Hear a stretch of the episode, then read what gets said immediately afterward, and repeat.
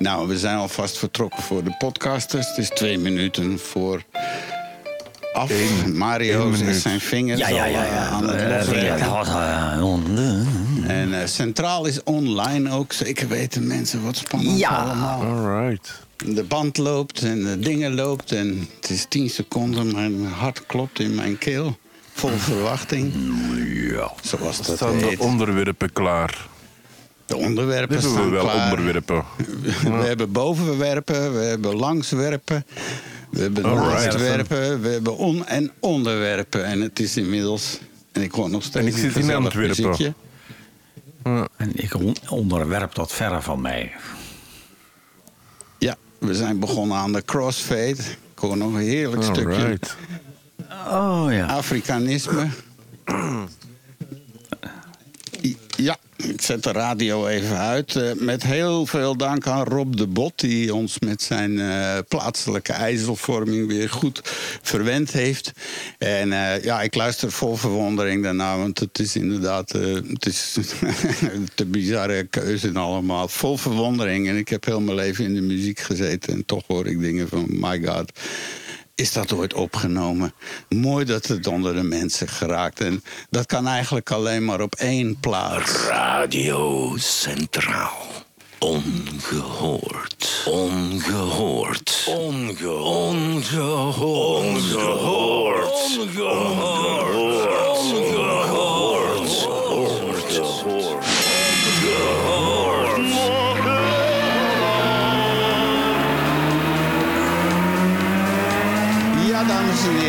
Welkom aan tafel. Het is aflevering 115 van de Praattafel. Radio Centraal presenteert de Praattafel.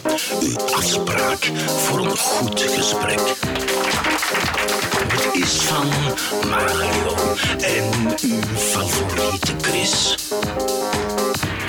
En welkom allemaal. Het is 24 januari 2023 in het corona-scene. En we zijn er weer helemaal klaar voor. Het is aflevering 15 voor de pod 115, wat zeg ik nou, voor de podcasters.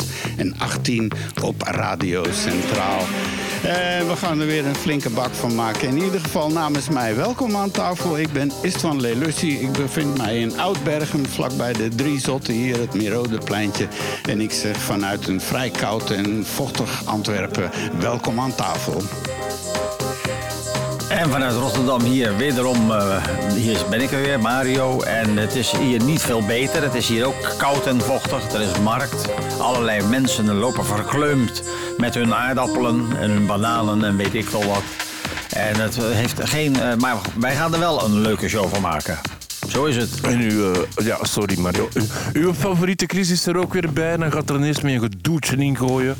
Eh het gedoetje 22, dat was van zondag. Ehm, een konijn. Nee, natuurlijk geen echt konijn.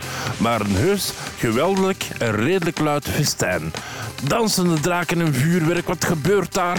Het is het jaar van het konijn. Gelukkig Chinees nieuwjaar! Want het was Chinees nieuwjaar. Gelukkig Chinees nieuwjaar allemaal. Eh, de Chinezen is het goed. Ik heb onlangs gehoord dat 60% van de Chinezen COVID hebben. 60%, dat is al iets. Ja, en ze mogen maar- terug reizen.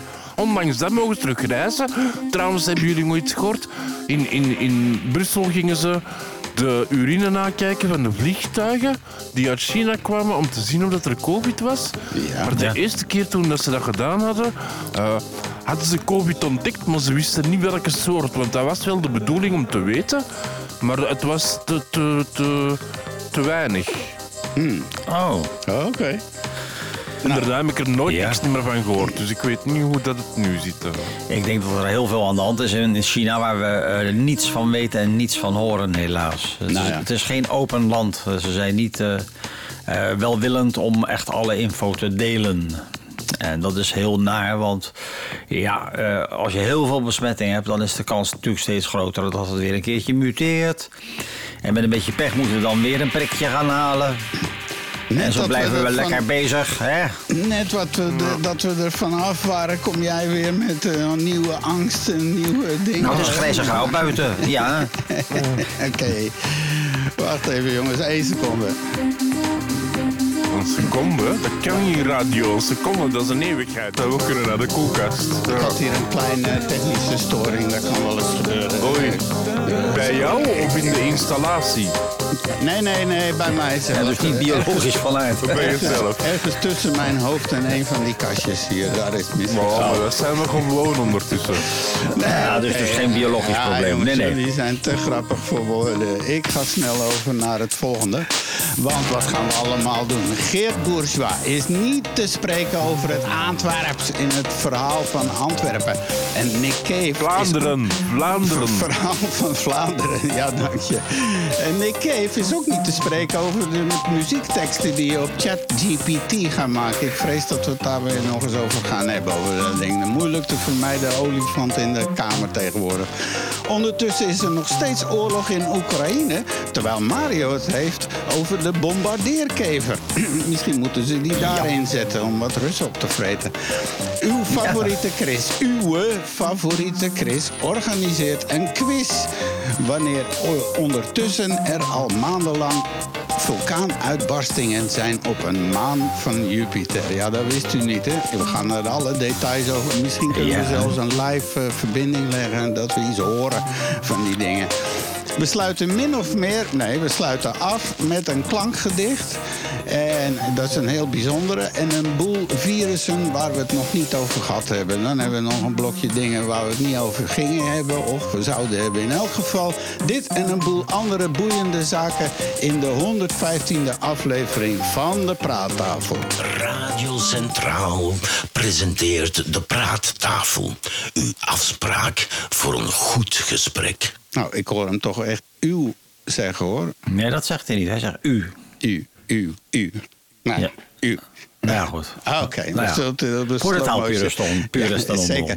Nog even vermelden, onze chatroom is alweer open. Ga naar praattafel.be, klik op de rode knop en je kan mee aan tafel met ons chatten. Er zijn wat vaste luisteraars. Dat We niet alleen is het van... Oké. Bij de historie van Chris is het vandaag een soort trivia. Dus ze kunnen meedoen gewoon via de chat. Ah, Oh, oké. ja, leuk. Leuk. Nou, we gaan moeten wel snel zijn. Hè, want- ja. Heel benieuwd, dus we zitten er klaar voor. Dus praattafel.be, het rode knopje, dat werkt ook met je, gele, met je telefoon. Tenminste, niet met zo'n oude telefoon, maar met een draagbare GSM... die je tegenwoordig regelmatig Ja. tegenkomt, gaat dat heel goed. Ja. Ja, Ik krijg vandaag een nieuwe. Die komt tussen half vier en vijf uur zichzelf aanbieden. Ah, Met ja. zo'n Zo. fiets. En, en- Ja, en ja. niet dat er dadelijk een briefje ligt van tijdens de uitzending. We hebben hier staan bellen met uw telefoon, maar helaas, hij gaat weer terug naar China, want u was niet thuis. Nee, hopelijk niet. Dat zou erg zijn, want die mensen komen met de fiets. Hè. Dat is zo'n bakfiets. eh. Dus als je dan Ah, naar China moet omdat ik niet thuis was, lijkt me geen goed idee. Nee, nee. Oké, even checken. Ja, nu, nu werkt alles hier naar behoren.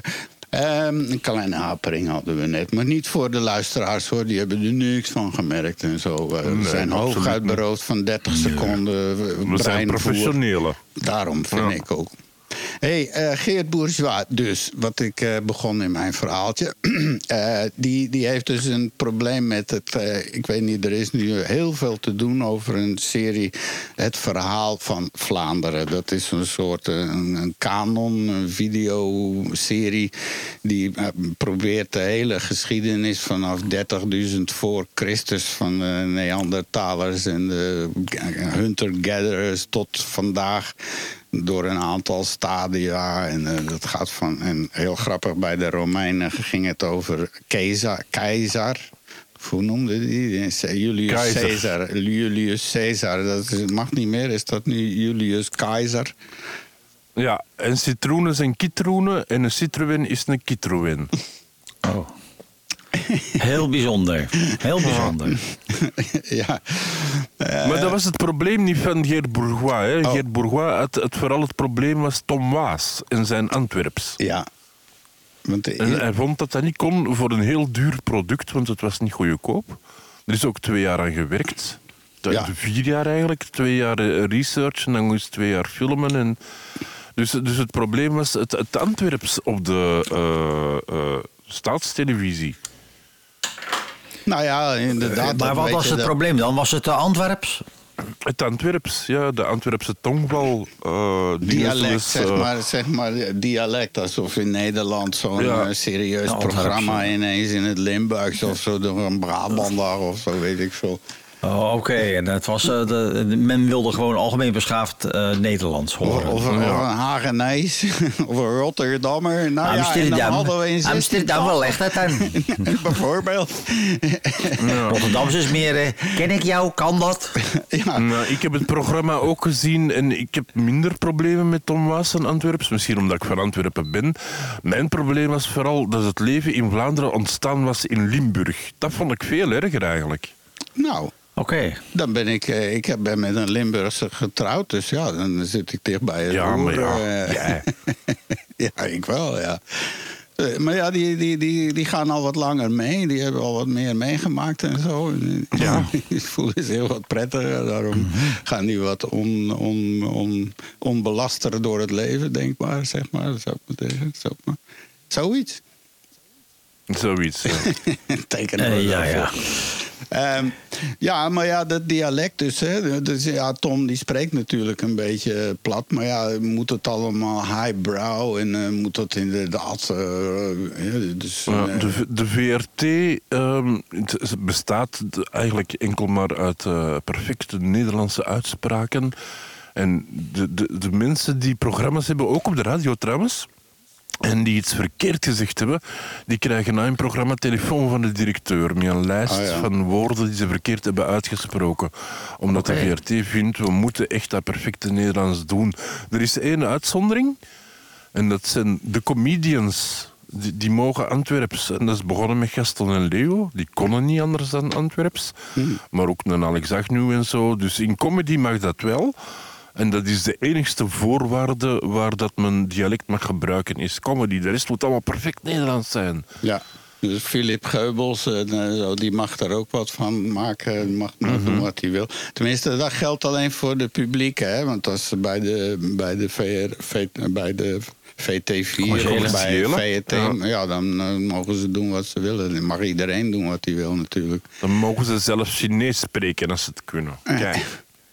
Nou ja, maar dat is, dat is gewoon het idee, een beetje het idee. En dan ook nog een beetje is er toch wel weerstand... omdat het eh, verhaal, ik weet niet, 2 miljoen euro heeft gekost. En dat ja, inderdaad dan in een periode dat ze zwaar aan het eh, hakken zijn... bij de publieke omroep hier. Dat er mensen worden uitgegooid enzovoort. En dan is dat een beetje dubbelop. En dan ook nog het feit dat meneer Waas natuurlijk...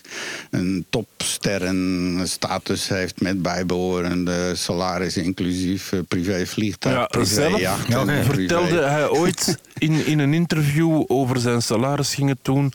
Zei hij ooit van ja, het heeft in de krant gestaan hoeveel geld dat ik heb gekregen. En toen dat ik het 's morgens in de krant las bij mijn ontbijt, verslok ik mij in de champagne. Ja, oké, dat kan. Ja, de- vaak zijn... eh, dat zie je bij- in veel beroepsgroepen vaak. Zijn de, de- hebben de, de, zeg maar, de salarissen helemaal niets meer met de reële werkelijkheid te maken.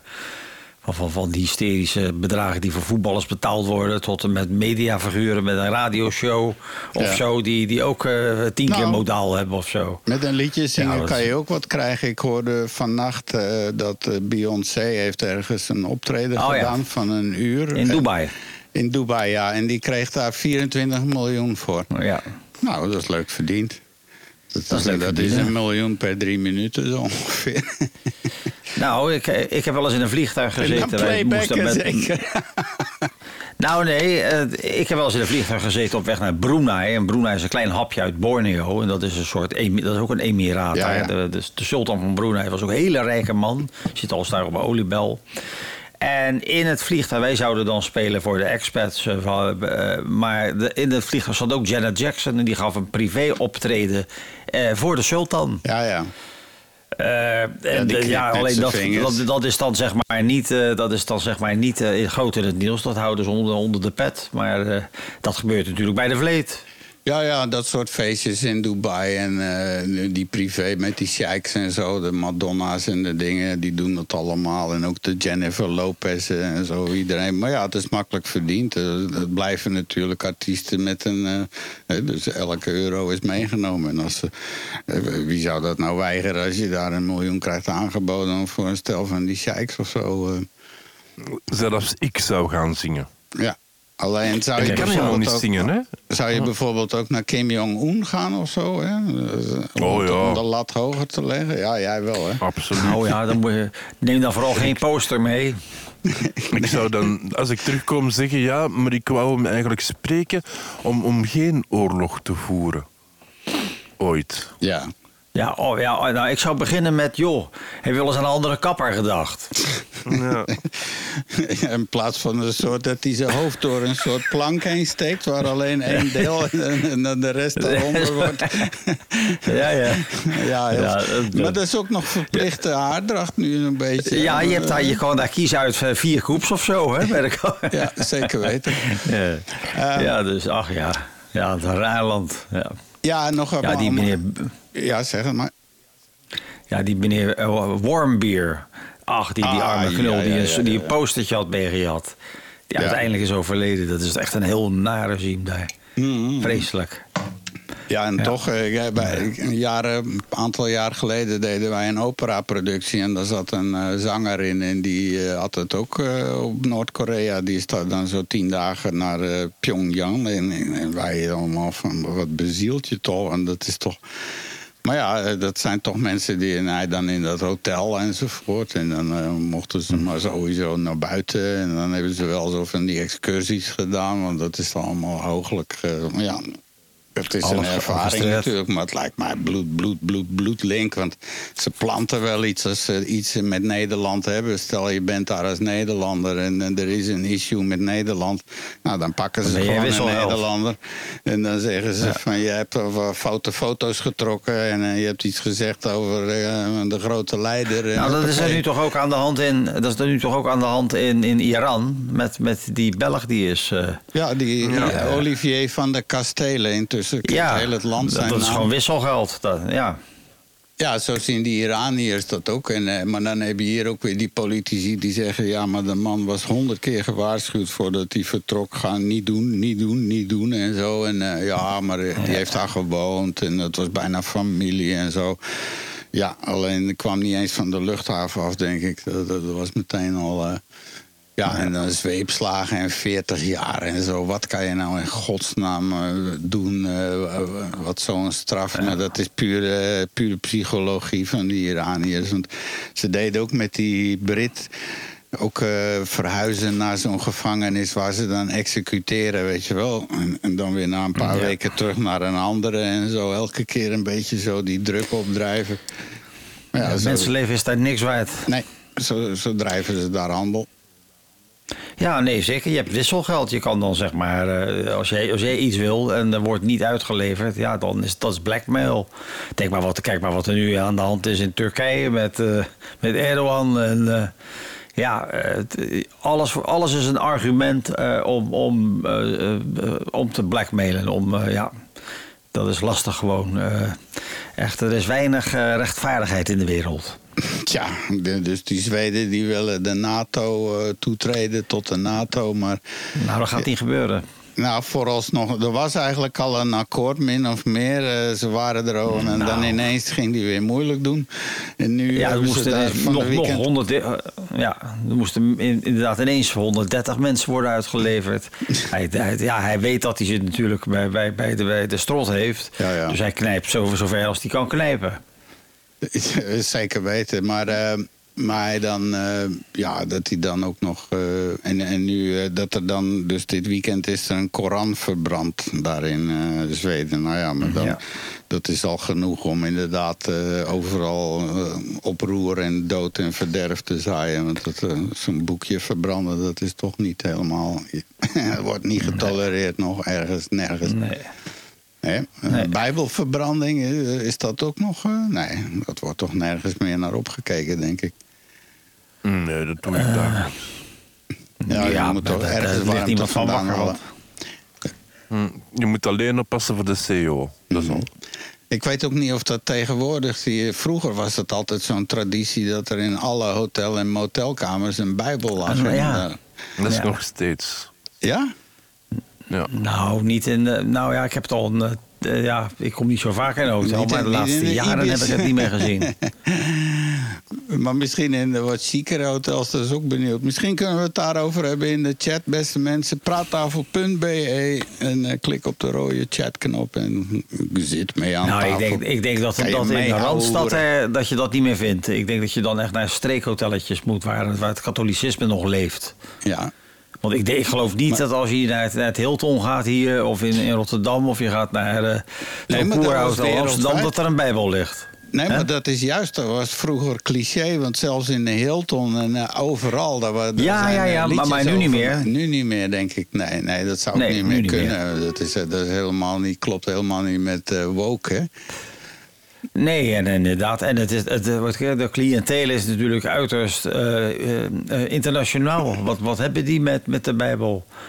Er zou ook een Koran moeten liggen en, en een, en een gebedenboek van, van de. Van, ja, nee, dat gaat allemaal niet. Nou ja. hey, Ja. we moeten het nog eens hebben over die, eh, die chat-GPT. De, de robot waarmee je kan Ja. eh, spreken Ja. en zo. Want eh, ja, Chris had iets gevonden dat een Nick Cave daar toch niet zo heel erg blij mee was. Ja, ja die, ze had, iemand had een, een, een, op ChatGTP gevraagd, schrijf mij een liedje, zoiets dat lijkt op een Nick Cave song. En Cave had dat gezien en die zei, dat trok op niets. Nu, mensen die Cave niet kennen, je weet nooit, uiteraard. Nick Cave is de man die het liedje schreef, White Elephant, waar daar letterlijk in staat... I am a Botticelli Venus with a penis, riding an enormous scallop fan. In the sea foam woman rising from the spray, I'm coming to do you harm. Dus dat zijn zijn teksten, hè, met een gun in my pants full of elephant tears... Uh, dus die man die vond dat die tekst niet goed was. Nu, ik heb zelf uh, een tekst gevraagd aan ChatGTP. Dan heb ik gezien, ik heb de Nederlandse. Maar ik heb gemerkt, dus ChatGTP kan Nederlands, maar ik heb gemerkt. Hij, hij doet alles in het Engels en dan vertaalt hij het zelf. Een beetje gelijk Google vertaal. Dus eigenlijk een beetje slechter dan Google vertaal. Dus ik kan Ja. het beter in het Engels vragen, vooral zo'n dinges. En, en hij begint met verse 1. In the shadow of the night I feel the pain of my heart. Memories of you, the hound me still can escape this love delight. Dus dat, dat is zo'n tekst van ChatGTP. Dan denk ik, nou, dat is toch beter dan een, een geweer met olifantentranen. Maar ja, dat is mijn gedachte natuurlijk. eh. Ja.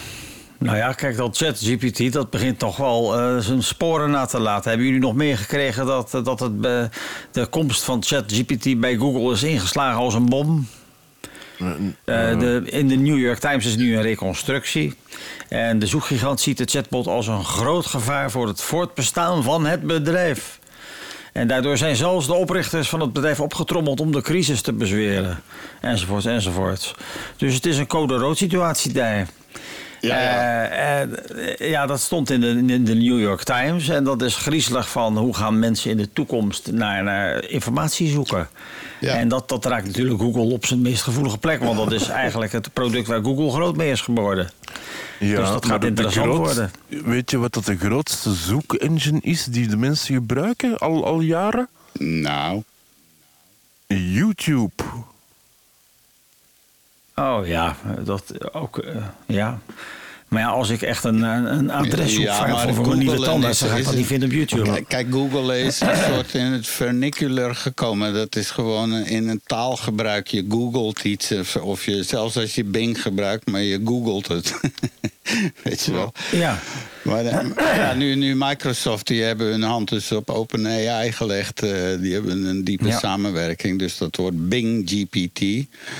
En eh, daar wordt Ja. nu heel hard aan gewerkt. Maar ik heb trouwens een boeiende video gezien van nog zeven andere AI-toepassingen die opeens, eh, waaronder eh, ChatGPT en ook die Playground, die we, maar een paar andere heel boeiende waren. En ik zet de link wel in de show notes.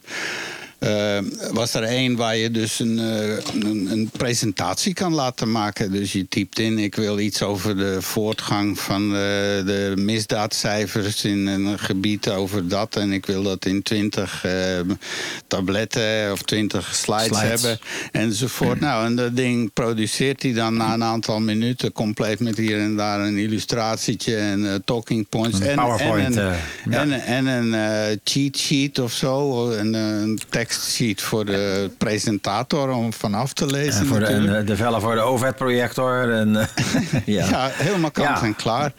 Eh, Ook voor, eh, voor salesvideo's is er iets. Dat typ je gewoon in wat je wil verkopen en hoe je het wil verkopen en aan wie je het wil verkopen. En, en ineens komen de beelden en dat komt echt zo'n heel gelikt eh, bedrijfsvideootje. Met, het is al allemaal van die stock footage-achtig, maar het werkt gewoon. ik, En ik denk dat nog geen gemaakt voor de praattafel, is het van? Ik heb daar geen tijd voor, joh. Ik heb, ik, Ja, wat doe jij? Je bent toch gepensioneerd? Ja, dat is. Dat is, eh, dat Dat is zit toch voor de tv, gelijk iedereen? Nee. Of, of zie ik dat fout? Nee, nee, toch heel erg fout. Ik heb, eh, ik heb heel Ah, ja. wat aan de hand hoor. Eh, Dus ik ben nu wat meer betrokken bij Radio Centraal. Dus dat, dat heeft mij ook zat opgeleverd om mee bezig te zijn. Ik kan daar nog niet veel over vertellen, maar we zijn bezig met wat interessante projecten enzovoort. En, ja, en dan heb ik zo af en toe mijn live jobjes. En ik, ik ben hier video's aan het maken. Ik, ik ben bezig met een kortfilmvoorbereiding. Daar hebben we nu de casting gedaan. We zijn nu een script aan het afwerken met eh, ChatGPT. dialogen Ja, genereren. Je kan zelfs dialogen genereren. Oké, dus best wel veel. Alleen wat doe je dan smiddags? nou, eh, s- smiddags, eh, precies. Ja, maar dat, Ah, me, dat, het lijkt me meer eh, op mijn... Kijk, het leven voor mijn vaste werk was freelancen van de ene job naar de andere. En nu doe ik een beetje hetzelfde, alleen zonder die druk van dat ik iets moet vinden. Want normaal, vroeger, ja, dan keek je, nou, ik heb nog niks staan in februari, maart gaat al wat worden. Oei, oei, ai, ai. Maar ja, nu ben ik gepen, dus eh, in een zeg maar virtueel rustiger vaarwater, zodat het niet meer. eh, Even kijken hoor. Eh, Ja. Er is iemand in de chatbox terechtgekomen. Alice Toklas. Eh, dag is van Mario Alright. en Chris. Ik wou vragen of Hey. de aflevering ergens herbeluisterd kunnen worden. Absoluut. Absoluut kan dat. Dat kan. Het noemde ook een podcast, hè? Vandaar. Ja. Zeker. Ja. Je kan het overal, als je een podcast-app hebt, eh, zoals Apple Podcasts of Google Podcasts of welke podcast-aggregator, eh, dat is een moeilijk woord. Dan kan je gewoon zoeken naar de praattafel, die vind je altijd. En anders kan je naar de website, de praattafel, of gewoon praattafel.be, zonder de. Mm, Ja. En eh, daar staan allemaal links voor de diverse spelers en dingen. Dat is eh, heel fijn dat je die vraag stelt, want zo kunnen we die ook delen met de andere luisteraars enzovoort. Hè? Absoluut. Dat is toch wel heel... Ja. Radio Centraal presenteert de praattafel. Uw afspraak voor een goed gesprek. Zeker, even Serge zijn werk laten doen. hey, ehm, ja, waar haal je dit nou vandaan? Eh, Die doktoren met een granaat, wa- wat is daar het verhaal? Eh, Ik geloof Mario dat hij gevonden had. Ja, nou ja, vrij heel eenvoudig. Er is dus iemand, be- op, op de, iemand met een granaat in, in, zijn, in zijn lijf en, eh, op de op- operatietafel terechtgekomen. Een scherpe Ja. granaat. En, en, Eh, ja, die was nog die niet op- afgegaan in Oekraïne. Die zat in de borst van een soldaat. Ja, en dan, eh, ja, poeh, hoe, hoe los je dat op? Dan mag je inderdaad wel eh, eh, de nodige veiligheidsmaatregelen nemen. Ja, hoe los je dat op? Maar hoe komt dat er in de maag van een soldaat... Een, een, leg me dat eens uit. Hoe kun je een granaat in... de- Hoe doe je dat? Nou, hij is aangeschoten. Die granaat is in zijn borst geschoten. Alleen die is Ah. niet afgegaan. Begrijp je? Hij heeft hij niet ingeslikt per ongeluk of zo? Nee, nee, nee, nee. Je ziet hem echt ook eh, ergens in zijn borst zitten. Ja, want de- bij het artikel staat ook een, eh, een, een MRI-scan. En daar zie je gewoon die granaat in, in, zijn, in, in zijn borstkas zitten eigenlijk. Ja, ja. Alright. Ja, dat is vrij nerveus. eh, want hoe, eh, hoe haal je dat eruit? En eh, ja, je moet dekking zoeken. En, eh, Ja. Maar het is uiteindelijk wel gelukt. Eh, Want de eh, granaat is eruit, maar de soldaat is dood. Nee, de, nee, de soldaat heeft het ook nog gered. Maar Oh, eh, ja, het is een, wat ze dan zeggen, een VOG-granaat. Niet, zo, niet al te groot. Op de foto ziet het eruit als niet veel groter dan een pakje sigaretten. Oh ja. Maar eh, ja, het is best wel heel erg nerveus zoiets. Ja, dat lijkt me ook wel, ja, zeker weten. Eh, Griezelig. Ja, en, eh, al die doktoren voordat ze aan die operatie toch allemaal even naar huis bellen van lieve schat, ik heb nu toch wel een heel speciale operatie. Ik wilde je stem toch nog even één keer horen. Ja, Want, eh, En dan de loting, hè? Wel- Welke chirurg gaat het doen? Ik heb hier eh, strootjes en degene die het kortste trekt, die, die mag gaan beginnen opereren. Ja, en dan, en dan toevallig de gast die net gisteravond iets te veel heeft gezopen en dan met trillende handen staat. Ja. Ja, ja, griezelig. Zijn griezelige dingen zoiets. Ja, het doet me denken, goh. Ja, dat is, dat is heel bizar. eh, maar- dat dan eh, zo'n man dat nog overleeft. hey, eh, ja, we, we wilden het ook nog hebben over schimmels. Want er waren wat berichten. Dat het, het, het, is nu ineens allemaal erg actueel. Schijnt het ook vanwege de serie The Last of Us. Waarin dan eh, wordt eh, beweerd dat eh, heel de aarde is besmet geraakt door een single en door een schimmel. Ja, de film Ja. begint eigenlijk met een gesprek tussen twee professoren. En een van die professoren zegt: Ja, virussen. Virussen moeten we eigenlijk geen angst van hebben. Waar dat we echt angst van moeten hebben, zijn de schimmels. Want daar hebben we geen medicatie tegen. Daar kunnen we niks aan doen. Ja, poeh, poeh. Ja, eh, ik ken wel schimmels die, eh, waar we wat aan hebben. De, de, een van de meest geslaagde schimmels in het, in het, eh, op de wereld, dat is Mycorrhiza. Dat is een groep die in, in symbiose leeft met zo'n beetje de helft van alle planten in de wereld. Ik weet ook dat er zelfs schimmels zijn die met hun mycelium, dat zijn die draden die onder de grond zitten, actief kleine wormpjes kunnen vangen, nematodes. Dat is echt heel bizar. Maar dat, dat ze inderdaad eh, gedra- het gedrag kunnen veranderen. eh, ja, je hebt natuurlijk wel eh, eh, schimmels die gerookt worden en zo voor hun. eh, de paddo's en zo. Dus dat doet wel wat voor je. Maar inderdaad, zoals je hebt natuurlijk wel virussen die echt het gedrag kunnen aanpassen van, van hun gastheer. Denk maar aan toxoplasmose. Eh, de- dat, is, eh, dat is die, weet je, denk maar aan als een vrouw zwanger is, dan moet ze niet, gewoon niet de kattenbak schoonmaken, want dan heb je een grote kans dat je besmet wordt. Eh, dat doet wel iets met, met, met, het, eh, met je organisme. Als je kijkt naar bijvoorbeeld dat die toxoplasmose, die zorgt ervoor. eh, muizen eten dat en die zijn ineens niet meer bang voor katten. En wat gebeurt er dan? Ja, dan is de kans groot dat, die ook, dat zo'n muis ook opgevroten wordt door zo'n kat. En dan, komt, dan gaat fase 2 van de, de, de levenscyclus van die, eh, van die parasiet komt in werking. Want dan, dan worden in de darmen van die kat worden de, de, de, de eitjes, worden de eitjes gelegd en de cysten komen uit. En dan, dat is, dat noemen ze, de- dat, dat is, dan is de kat de tweede vector. En er zijn, er zijn parasieten die meerdere vectoren hebben. Met andere woorden, meerdere gastheren waar het, waarin het opschuift. Die, die hebben Maar van schimmels ken ik het eigenlijk nog niet zo. Ik ken een schimmel die mij af en toe beïnvloedt. Ja, die rook je. Die kan je bij de smartshop kopen. Toch niet die van Nee, nee, Sinterklaas, nee. hè? Die, de schimmel van Nee, nee, Sinterklaas. echt niet. Nee, nee. Hij noemt Rochefort. Oh ja, ja. die- Oh ja. Vooral de mensen om je heen als het echt goed is. Ja, daar moet ik dus niks van hebben. Daar begrijp ik dus niks van. Hoe iemand dat kan... Dan, dan moet je toch echt eerst een neusoperatie... dat dat helemaal, de olfactorisch systeem helemaal is uitgeschakeld. Nou ja. Nou, ik, ik lust de Rochefort niet zo- Ik eet hem het liefste steken Rochefort. hè. Dan wordt hij opgewarmd, een sausje van gemaakt met wat room. Dat vind ik fantastisch gewoon.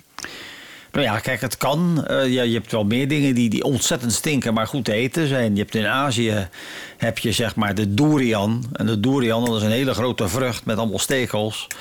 Eh, die vind je in dorpjes altijd met de wind mee, de laatste kraam. Eh, want dat stinkt vreselijk. Dat ruikt echt naar zo'n, ja, wat is het? Ik heb er altijd zo'n zo'n chemisch toilet wat je op een camping ziet. Dat is een hele nare lucht. Maar als je je neus dicht houdt en je eet het, is het hartstikke lekker. In je mag steden is, is de durian eh, verboden, dat weet ik nog wel. Ja, Je- in hotels en taxis en, en bussen en zo mag dat allemaal niet mee, dacht ik. eh. Nee, nee, dat is, dat is vreselijk. Maar ja, dat, dat kan. Eh, Ja, de, de, de- ja, de neus hè, en het stinken. maar ja, eh, maar terugkomend op die schimmels. er- Je hebt natuurlijk inderdaad parasieten die echt gastheren dingen laten doen die, die, die, eh, die vrij bijzonder zijn. Dus het kan natuurlijk wel. Dus dat is best wel een interessante gedachte. Hoe, in, in hoeverre ben je eh, zeg maar besmet en eh, je zal het nooit weten. Maar ja, dus, Dus dus, ja. dus die serie, die, dat is een beetje poppycock. Dat, eh, dat er een bepaalde schimmel en mensen kan beïnvloeden en mensen kan... Want ze beweren dat dus wel van die cordyceps, dat er een bepaalde geslacht Ja, die van kan. zijn. Ja, die kunnen, die, de- ja, cordyceps die kunnen ook het, het, het, het, het gedrag van mieren enigszins eh, beïnvloeden, heb ik begrepen. Maar dat is zeg maar vrij eh sumier. Ja. Niet van mensen of zo. Wij moeten nog niet bang zijn voor... eh, maar ja, straks, ja, eh, straks krijgen we mierenburgers en dingen. En, en, want we gaan meer en meer insecten moeten eten enzovoort. Van dat. Dus ja, wat gaan we Eh, dan ja. krijgen? Dat we dan op die manier eh, toch wel parasieten binnen gaan krijgen of zo? eh, denk je van, hè? Hm? Die hebben we al. We hebben al heel veel parasieten. We leven met heel veel dieren en, we hebben een microbioom. Dat, dat, Ik denk dat hem schimmels bedoelde, maar ja, is wat. Nou ja, die hebben we ook. Ja, tuurlijk. Eh, en eh, ja, dat- dat- dat- wij, wij leven met heel veel micro-organismen... waar we dus eigenlijk over het algemeen zo weinig mogelijk van willen, willen weten. Zo was er ook laatst nog een itempje op tv... dat ging over de, de ooghaarmijten die we allen hebben. Dat zijn dus kleine beestjes... die leven in de haarzakjes van jouw wimperharen... Eh, en dat zijn buitengewoon boeiende eh, beestjes. Die, iedereen heeft ze. En ze, ze, ze zijn licht schul. Dus ze zitten overdag altijd in jouw haarzakje. En is het donker, dan komen ze naar buiten. En dan klauteren ze als het ware zo die jouw wimper op. En daar paren ze dan. Ah, ja. Heel interessant, maar dat willen een hoop mensen gewoon niet weten. Nee. Waarom vertel je het dan ook, Mario? Nou, we hadden het net over Rochefort, dat vind ik nog veel erger. Ja, ja. Dus ja. Er nog voor, met steak is wel lekker, hè? Eh, ja, kijk, we kunnen niet zonder schimmels, hè, want ja, laten we wel wezen. eh, zonder schimmels ook geen bier hè, en geen brood. En, en, En geen penicilline. Nee, nee. Ja. Nee, Ja, want absoluut. ik merk ook bijvoorbeeld oude koffiedrap. Hè, dat is een hele goede eh, kunstmest. Eh. Eh, ja, daar kan je dus uitstrooien in de tuin. En ik doe dat ook regelmatig zo op de planten. Maar je moet het wel goed...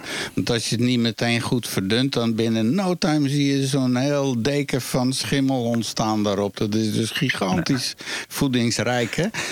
Maar, eh, Nou, je ziet ook, eh, de, het, wordt- het koffieafval, dat gaat in Nederland althans, wordt vaak opgehaald ten behoeve van de kwekerijen van eh, champignons. ja. Ja. Ja, Ja. Hier in Antwerpen ook is er iemand die ergens in een kelder champignons kweekt. En die gaat overal de koffiedratch halen. Ja. Ja, nee, tuurlijk, dat is prima. Er zit heel veel stikstof in. En, eh, ja. Ja, dat had ik eens gekregen. En, en een tip voor dingen. En eh, nog een tip ga je nu krijgen. Biomimicry. Wat we kunnen leren van de natuur. En Mario gaat ons dat weer vertellen zoals hij dat in elke aflevering doet. en biomimicry is. Ja. eh, dus ja, wat, eh, wat kunnen wij nu... Ja, het is al gezegd, ik zit er dubbel op te doen. Het woord is aan Mario. Ja, ik wil het vandaag hebben over de bombardeerkever. En wat hebben wij daaraan? Nou, de, de bombardeerkever, de naam zegt het al, die bombardeert. Letterlijk. Wanneer ze fysiek worden aangevallen, komt er een hete spray uit het puntje van hun buik. En dat kan bij sommige soorten zelfs leiden tot kleine knalletjes. En eh, dat is een formidabel wapen. En het mooie is, er is dus nu ook fotografisch bewijs geleverd dat de Afrikaanse bombardierkever, de, de, de Stenaptinus insignis, die kan die straal ook eh, net als een kogelgevricht in iedere richting richten. En dat is eigenlijk, men veronderstelt eigenlijk dat dat voornamelijk belangrijk is van, vanwege het bevechten van zijn grootste vijand. Dat zijn mieren. Eh, ja, want kevers die hebben een probleem eigenlijk in grosso modo. Eh, de kevergroep is enorm. Ik heb al eerder gezegd, eh, een tijdgenoot van, van Darwin, dat was meneer Wallace, die heeft gezegd: als God bestaat, dan hield hij heel veel van kevers. 300.000 soorten. Gigantisch. En je ziet ze nooit. Als je in het bos loopt, word je om, omgeven door, door miljoenen kevers mogelijk. Alleen je ziet ze niet, want zijn nachtdiertjes. Eh, eh, maar ze hebben een probleem, want in tegenstelling tot vliegen en vlinders en libellen en bijen en muggen, zij kunnen niet van, eh, in, een oogwenk de lucht in. Als ze dus het luchtruim willen kiezen, dan moeten ze dus eerst hun vleugeldeksels, de dekschilden zijn dat, openvouwen. En dat kost tijd. Ook het uitvouwen. Want ik zal een, voorbeeldje geven. Als je bijvoorbeeld de achtervleugels van de oorworm neemt. Die kan ook vliegen trouwens. Hè? Dat zou je niet zeggen. Maar die heeft nog steeds vleugels. En die vliegt ook heel af en toe. Maar als dat open gaat, die dek, dan, dan, eh, eh, dan is dat een soort origami vleugel die 40 keer gevouwen is. Kan je het je voorstellen? 40 keer. Maar goed, dat even tussendoor. Dus, het is, eh, dus ze kunnen niet gelijk opstijgen, die beesten. Dus ze moeten iets anders hebben om zich te kunnen verdedigen als ze worden aangevallen. En dan met name de loopkevers, het woord zegt het al, dat zijn de carabidae. Dat is een beetje, ik vind dat de leukste kevers. Ik heb, eh, ik heb alle Nederlandse loopkevers, dat zijn in mijn verzameling. Dat zijn prachtige diertjes. De loopkevers zijn hiervan een voorbeeld. Het woord zegt het al, carabidae, loopkevers, die leven op grondniveau. En die lopen dus constant het gevaar dat ze door mieren eh, en andere insecten worden aangevallen. Vandaar dat dus met name loopkevers eh, o- eh, ontlaatbare verdedigingsklieren hebben. Nou, dat zijn tweezij- tweezijdige klieren. Die liggen, dat zijn een soort zakjes, zou je kunnen zeggen. Die naast elkaar in de buik liggen en uitkomen bij de buiktip. En eh, die produceren toxische stoffen, vaak in hele hoge concentraties. Zuren, fenolen, chinonen, aldehyden, allemaal chemische prut waar je je mee kan verdedigen. En ze zijn allemaal, tenminste de meeste moet ik zeggen, die zijn in staat om dat met geweld uit te stoten in de vorm van een spray. Eh, mieren die kunnen echt vanuit iedere richting aanvallen. Dus eh, die spray moet je ook kunnen richten. En eh, veel loopkevers die kunnen ook een beetje richten. Maar inderdaad, de scherpschutter eh, onder de loopkevers is die bombardeerkever. De Stepnatinus insignis, zoals ik al eerder zei. En dat is heel bijzonder, want zo'n zo'n beest die kan tot 20 keer eh, schieten voordat die, kleuren eh, voordat die klieren uitgeput raken. En die ontledingen die gaan vaak ook echt met hoorbare ontploffingjes. En eh, dat werkt als een fantastische eh, beveiliging. Nou, hoe werkt dat? Die nevel van die bombardeerkever dat wordt uitgeworpen bij 100 graden Celsius. Huh? En dat komt omdat eh, die stof die erin zit, het, eh, dat wordt, eh, ge- het, het is een mengsel van twee sets van chemicaliën die afzonderlijk in de klieren worden opgeslagen. Dus elke klier bestaat uit twee samenvloeiende compa- compartimenten. In de grootste, dat is de opslagkamer, daar zitten dan eh, ja, waterstofperoxide en nog wat eh, exotische hydrogenonen. En de kleinere is de reactiekamer. sorry, maar dat in, in een gewone kever. Dat is In een bombardeerkever. militaire space technologie, man. Juist. Ja, ja dat, dat is echt heel bizar. Dat, eh, en eh, ja, dat is, dat is ook heel bizar. En eh, als, als die dus die spray wil activeren, dan mengt hij de inhoud van die twee compartimenten. Dus die, die, dat opslagdingetje en inderdaad die reactiekamer. Eh, waardoor er ineens, als het ware als een soort airbag, zuurstof vrijkomt uit de waterstofperoxide. Peroxide, want die wordt dan geoxideerd door de vrijgekomen zuurstof. En die zuurstof is dan gelijk een soort drijfgas en dan spuit het eruit. Denk maar aan een eh, airbag. Is ineens poef en het komt eruit. Ja, ik dacht eerder aan zo'n fles cola met, waar dat ze die muntjes in gooien. Oh ja, ja, inderdaad. Dat, ja, dat is een andere reactie, maar inderdaad kan ook heel gewelddadig zijn. Ja, nee, zeker. Eh, je hebt ook een hele vroege, eh, er is al een hele vroege beschrijving van een, van een vergeten ontdekkingsreiziger. Die al rapporteerde over de grote bombardeerkevers uit de neotropen. De- die schreef dat wanneer ze hun artillerie uitspelen, ze zo heet aanvullen, aanvoelen dat weinigen kunnen worden gevangen met de blote hand. Dus wat een, een pishete kever heb je dan. Ja, 100 graden eh, komt er uit, uit dat Maar, ding. maar wie verzint het toch allemaal, man? Dat doet Ja, ik ben evolutie. ook- ja, ik ben ook blij dat het een kever is en niet een olifant die dat kan. Oh, ja. Dan zouden we echt een probleem hebben. Ik denk het wel. Alleen niet Ja. direct hier, maar er zouden problemen zijn, ja. Ja, ja, het is, dus- ja, je blijft je verbaasd uh, wat er allemaal... Uh, kijk eens naar al die natuurseries vandaag de dag van David Attenborough en zo. Kijk eens hoe gedetailleerd dat allemaal gedocumenteerd werd... en vergelijk dat dan eens met die, die, uh, die, dingen, van, die natuurseries van vroeger uit mijn jeugd. Dat was toch wel een hele andere orde van grootte. Ja, dat was om in slaap te vallen van... we volgen de Ja, Anton het Hoofd, hè, met... Ja, ik kan me nog herinneren. Je had vroeger dat programma, hoe heette dat ook alweer? Met Anton van het Hoofd. Uh, de, de, dieren in de natuur. En dan zag je twee vorstelijk neukende olifanten. En dan hoorde je die stem. Hier maakt dat mannetje het vrouwtje het hof. Heel leuk. Maar goed, dat even tussendoor. ja, maar goed, dat even tussendoor. Maar wat ik zei dus, wat hebben we aan die bombardeerkever? Nou, die verbrandingskamer van die bombardeerkever die stoot die kokende vloeistof uit door een hele bijzondere hartvormige kamer met een lange, smalle uitwerpbuis. En de huidige onderzoeken geven aan dat dit nogal ongebruikelijke ontwerp van die verbrandingskamer stukken betere prestaties levert in eh, termen van efficiëntie van massa-uitstoot dan wat we nu hebben. En dat is voornamelijk te danken aan die hartvormige verbrandingskamer in combinatie met een lange, smalle uitwerpbuis. Dus fysisch gesproken is, is dat klaarblijkelijk toch het, het, het, beste systeem. En daar is werkelijk nog nooit iemand op gekomen. Hmm. Nou, de resultaten die ondersteunen dat idee. En men denkt nu ook aan een praktisch gebruik voor pilootontstekingssystemen. Zo, en her, herontstekers in gasturbines van vliegtuigen. Ontstekingsapparaten voor veiligheidsairbags in auto, auto's. En natuurlijk fuel injection systems. En zo valt er ontzettend veel te leren van zo'n kevertje. En dan... Het is zacht, Mario. Te zacht. Uh, maar hij moet ook een beetje zielig klinken, ja, mijn tada. Maar ja, maar ja, de mensen moeten hem wel horen. nou, nog één keertje dan. Nou, die zocht ik. Dat moet deze zijn. Dat is hem. die is goed, ik ga hem pimpen. Maar mijn tinnitus is ja. nu wel weer helemaal actief. Ja, oké.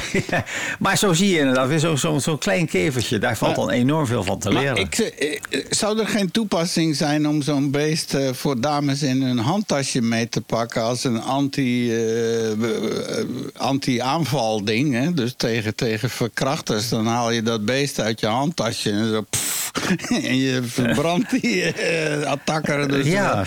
Uh, nou, praktisch is dat lastig, want je moet het beest natuurlijk ook in, in leven houden. Het zijn loopkevers, dat zijn eigenlijk allemaal carnivoren. Ja, dus maar ik denk als je, een klein hondje, als je een klein hondje in je handtas kan hebben, dan kan zo'n bombardeerkever er toch ook zitten. Ja. Zeker, zeker. Nou, ja, en, en, en, dat is your support animal. Hè? Dat is nu de gekte in Amerika. Dat mensen komen het vliegtuig binnen, niet, niet alleen met een hond... maar ze proberen met varkens en met slangen. En daar is nu een eind. Want dat was zo, je kon dan een officiële verklaring krijgen... dat je een emotional support animal uh, nodig had bij je. En dat is, dat is helemaal te, alle, alle bizarre, zoals in Amerika, alles, uh, alle bizarre spuigaten uitgelopen. Er staan heel veel filmpjes van op uh, YouTube waar mensen met de meest bizarre dingen het vliegtuig binnen willen. Uh, en ik claim me dan, ja, maar ik kan niet zonder mijn. Hè? Ja, ja, dat Wat is dat ook is. Zo zijn die films van Snakes on Planes. Waarschijnlijk ook veel. Ja. Ja, Nog even, ja. even een klein beetje zelfpromo. Um, ik heb meegewerkt aan een serie podcasts over Alfred Lagarde. Dat was een, in Nederland een legendarische DJ. Hij is nu 25 jaar geleden overleden. En ik heb ook een aantal jaren vrij intensief met hem gewerkt. En ik zet de link wel in de show notes op uh, kink.nl. Dat is een radiostation. En een van de medewerkers, Tim van de Opbroek, die is bezig aan een serie. En er staan er nu al uh, 1, 2, 3, 4, 5 op. en in aflevering 4 hoor je ondergetekende, jazeker. Lekker nog eens even op de Nederlandse radio en zo. Uh, ik weet niet of het uitgezonden wordt, maar in elk geval. Het is een boeiend project. En uh, nogmaals, ik, uh, ik vind het heel grappig. Want zelf dacht ik, mijn herinneringen zijn misschien wat gekleurd en zo. En overdreven. Want dat wil wel lukken. Dat was toch in de periode 1980, 81 zo. Dus dan hebben we het over ja, 42 jaar. Dat is lang. Maar het wordt van alle kanten bevestigd gewoon door andere mensen. Alles wat ik zei, al mijn eh, dingen van, eh, van zijn afkeer voor vergaderen... tot het altijd met 220 km per uur rijden. Dat, dat was allemaal bevestigd door heel veel mensen. Dus was Alfred Lagarde.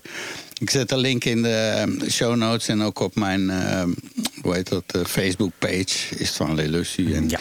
misschien ook wel op de praattafel als we ons team uh, best kunnen laten doen. Dus dat is even dat. Uh, we, zijn, we hebben het gehad met die kever, hè? We zijn door de kever heen. Ja, het is een uh, boeiend beestje. Dus helaas heb ik hem niet in mijn verzameling. Ik had hem graag wel eens een keertje live willen zien. Nee. Maar het is uh, fascinerend. Als je dat intikt in, uh, in YouTube, ga je allerlei filmpjes vinden van grote beesten die, die dus proberen zo'n kever naar binnen te schuiven en van een koude kermis thuiskomen. Alright. Dus uh, altijd boeiend om te zien. Ja. De hysterische historie op tafel. Ja, zo bedoelde ik dat met een lekker muziekje. Uh, we zijn aangekomen ja. naar het onderdeel waar dat nog een aan gewerkt wordt. groot Muppet, uh, um, Muppet show. Ja, ja. Je, je, gaat een quiz doen. Ik dacht misschien een happy... Uh, ja. Ja, ik probeer dit muziekje al jaren iedereen door de strot te duwen, Mario. Maar je, het, het valt niet mee. ja. Maar oké, okay, Sava, ik denk dat het vandaag past. Je hebt geluk, ja. is het van. Okay. Want ik heb vandaag inderdaad een quiz georganiseerd. En ik noem hem zelf de quiz van uw favoriete Chris. Oké. Okay, ja, normaal is het applaus achter. Nee, maar het publiek zit hier helemaal klaar. Net zoals bij uh, blokken. Ja. Hè? Dus, uh, dus af en toe uh, applausje. Elke keer als je een punt hebt. Als je een punt hebt, dan is het...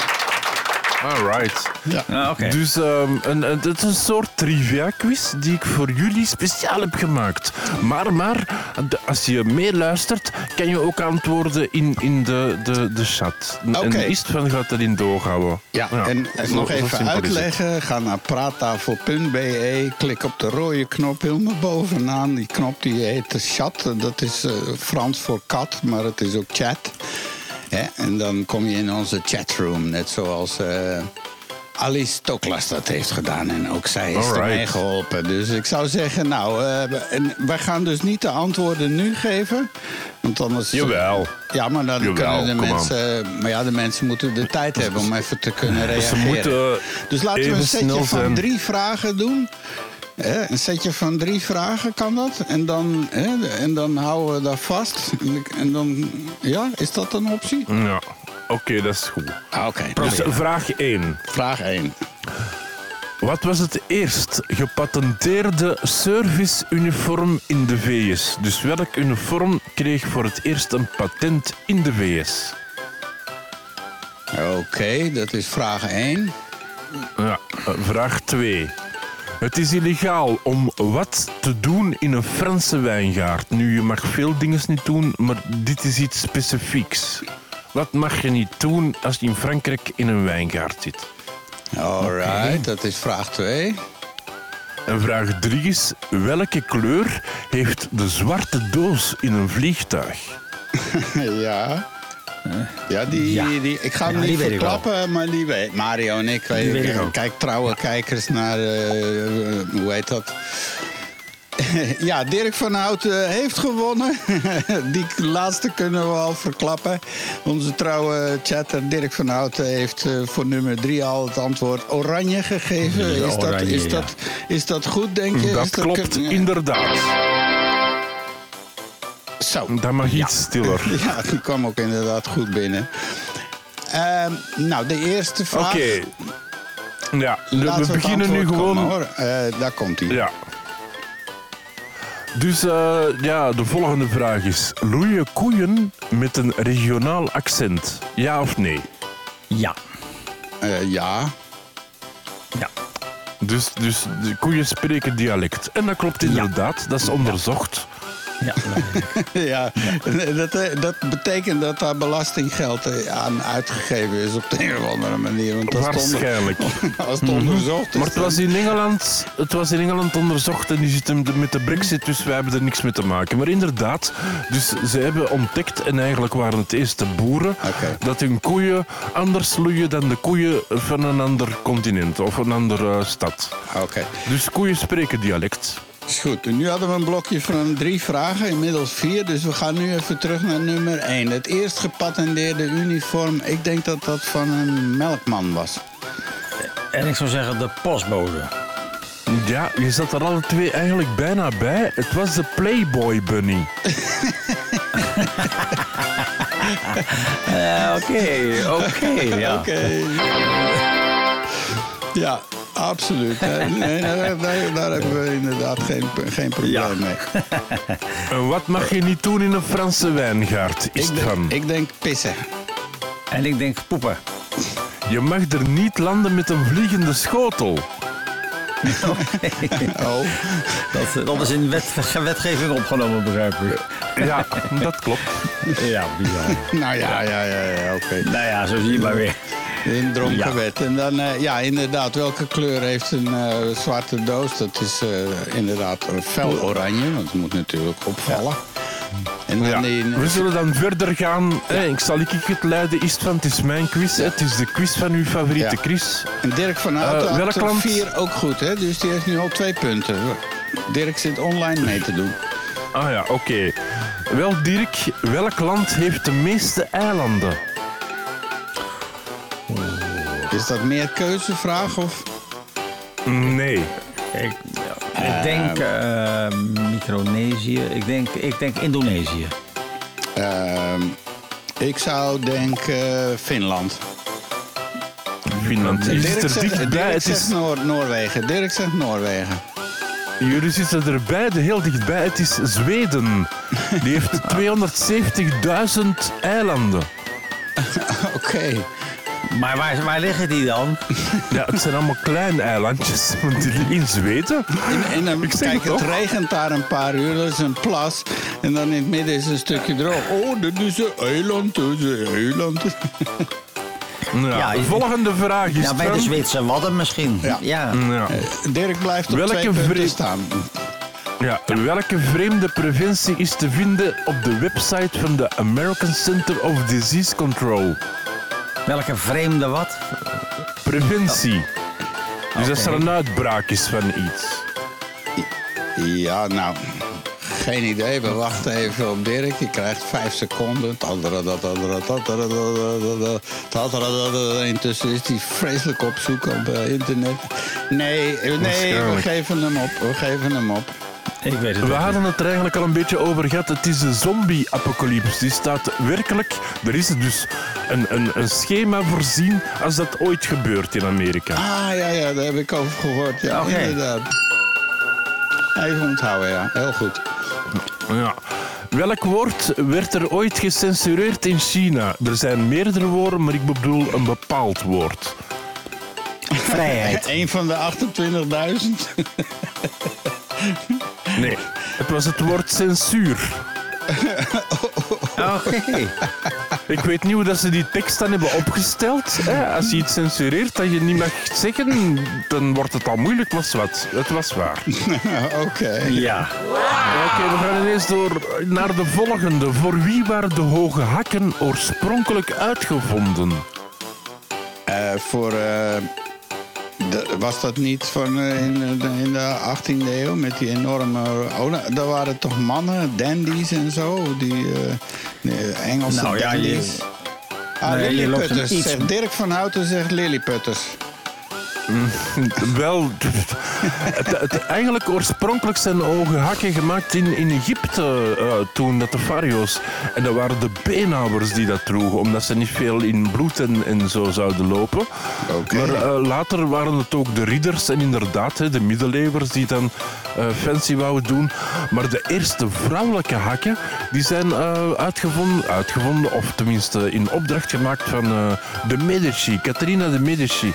Die vond haar te klein en die wou wat groter worden. Maar oorspronkelijk waren dus hoge hakken uitgevonden voor mannen.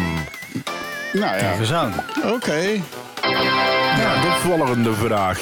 Ja. Hoe is de brandkraan-. Eh, Dirk is het een beetje kwijt. Die scoort nu al twee vragen niet meer. Ik denk dat hij zijn winning streak, eh, eh, die, is weg. Ja, vrees ik wel. Ja, of kunt misschien hij het Nou, misschien komt hij nog. Ja, praattafel. Ja, misschien spaart hij het op. Op de rode knop. Hoeveel vragen krijgen we nog, Chris? Eh, een stuk of... Genoeg. Nee, nog maar een stuk of vijf, denk ik. Oké, nou, dus voor de Ehm. laatste vijf, als je mee wil doen, praattafel.be, rode chatknop. Nu meedoen, nu meedoen, prijzen te winnen, mensen niet te geloven. Nu meedoen, papa. Alright. Dus de volgende vraag, want het is nog altijd de quiz van uw favoriete Chris. Ja. Eh, hoe is het brandkraampatent verloren gegaan? In een brand. Door een brand. Ja, u weet dat goed. Dat komt, ik, ik moest gisteren een voorbeeldvraag stellen en dat was de- deze dus. Oh, was dat Inderdaad. deze? Inderdaad. Het patent van de brandkraan is in een brand verloren gegaan. Ja. ja.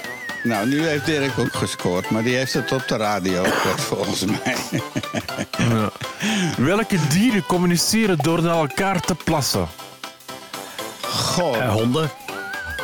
Eh, nee, dat heb je gisteren ook in de test gezegd, maar eh, ik ben er Ik heb toen over- geen antwoord Ah, gegeven. vandaar Nee. dat ik het nu ook niet weet. Ja, dat klopt, ja, inderdaad. Maar eh, Mario had daar wel een antwoord gegeven dat de zeikegel? bijna juist.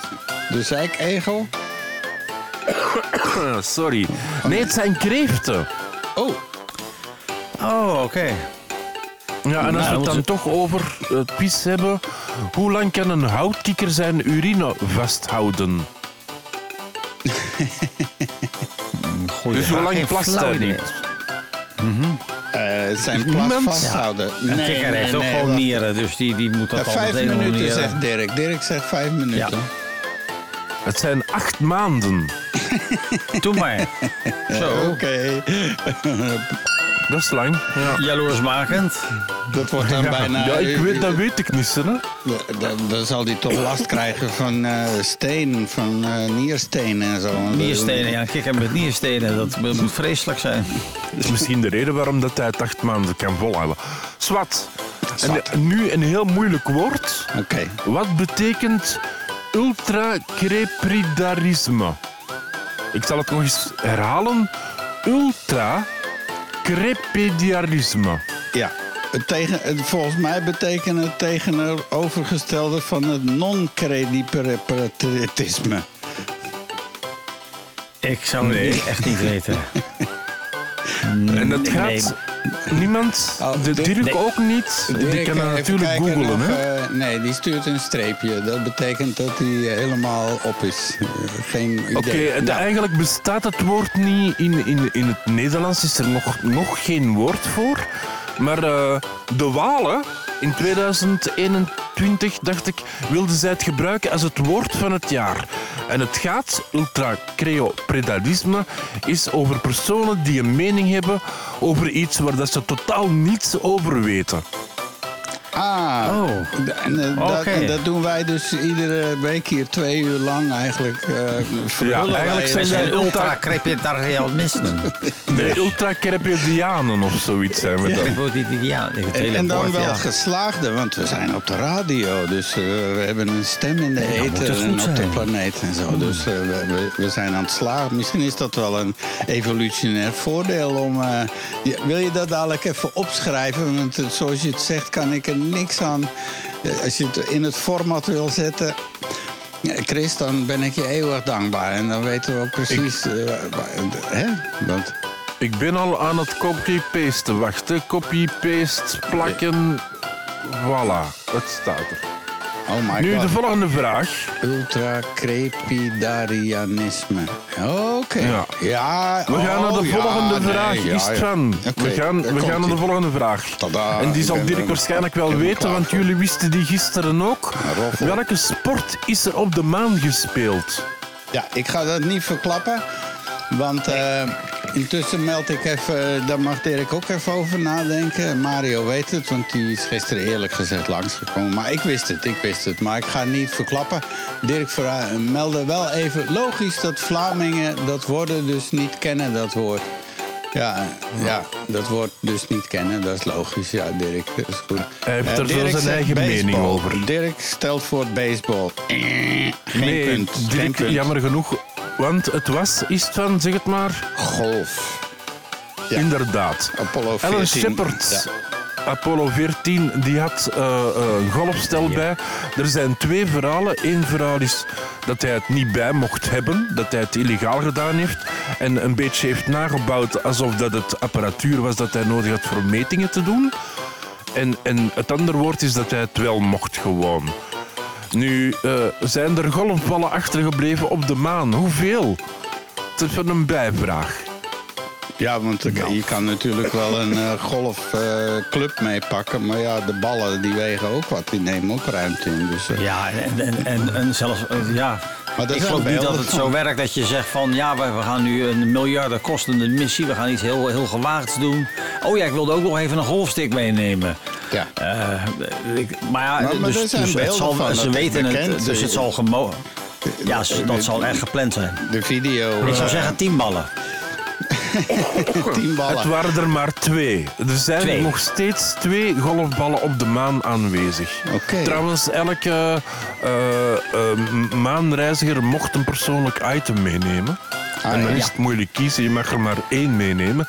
En hij wou daar nog golf spelen, dus ja, je weet nooit. Swat, we gaan naar de volgende vraag. Oké. Wie zei, wie zei, ik ben de president van de Verenigde Staten en ik ga geen broccoli meer eten. Ja, de, eh, George. Eh, is dat die- George- die- die ja, van- ik wil het wel zeggen. Dat was George W. Bush volgens mij. Ja, dat klopt, inderdaad. Die had een Oh. hekel aan broccoli. Ja. Ja, en hij had dan ook nog zijn, eh, zijn eerste vicepresident die, eh, die het helemaal fout had met potatoes en potatoes en zo. Die dat verkeerd opschreef. Oh ja, in een was dat school. alweer? Ja, ik ben die naam kwijt, maar die is ook vanaf dan eh, bekend als een goed uitziende oen. Ja. ja. Ja, geen antwoord van Dirk van Houten in elk geval. Dus eh, die gaat niet scoren. Ja. Er is een kans, Mario, dat wij nu een voorsprong kunnen pakken. Oké. Ja. De planeet Uranus, die heette eerst anders. Hoe noemde die eerst? Mm. Oeh, daar moet Mario mee kunnen scoren. Want eh, we geven Dirk van Houten weer vijf seconden de tijd. Eh, 4, 3, 2, Ja, dat is lastig. Ik weet, dat weet ik echt niet. Hij, ja, hij zegt, uh, hij your, your zegt hij. Ja, ja, ja, met op zijn Engels, hè. Your anus, ja. ja, ja, your ass, nee, your ass.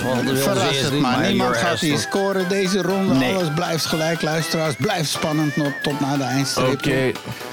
Dus in 1781 was de William Herschel, dat was een Duitse astronoom, componist. is een beetje gelijk Mario, hè? Eh, Oh, ja. En die wou die dus noemen naar de, de, de koning toen. En dat was George. Dus Oh. hij noemde eigenlijk George of Gregorium Sidius. Ah, dat is de, Maar, de, de- eh, de- de Latijnse vervoeging daarvan. Eh, Daar, daar gelukkig dat we daarvan afgestapt zijn. Ja, gelukkig. eh, Maar er is toch een foutje. Want normaal gezien worden dus planeten genoemd naar de Romeinse goden. Hey, ja. Mars en, en, en zo. En u noemt dat Uranus. En eigenlijk is dat een Griekse god. ja. Dus, dus de, de- het noemt nou eigenlijk een beetje verkeerd, maar wat, het is Uranus geworden. Maar de bedoeling was dus George III. Ja, en in, Ja. en in het Engels moet je goed oppassen dat je het over Uranus, Uranus. hebt. Uranus en niet your anus. Eh, die grap Ja, ja. wordt natuurlijk te vaak gemaakt. Zoals net door Dirk. en dat was de Ja. laatste vraag ook. Oh, Mijn ja. Oké, wacht even. Dat Dan was is die. het van...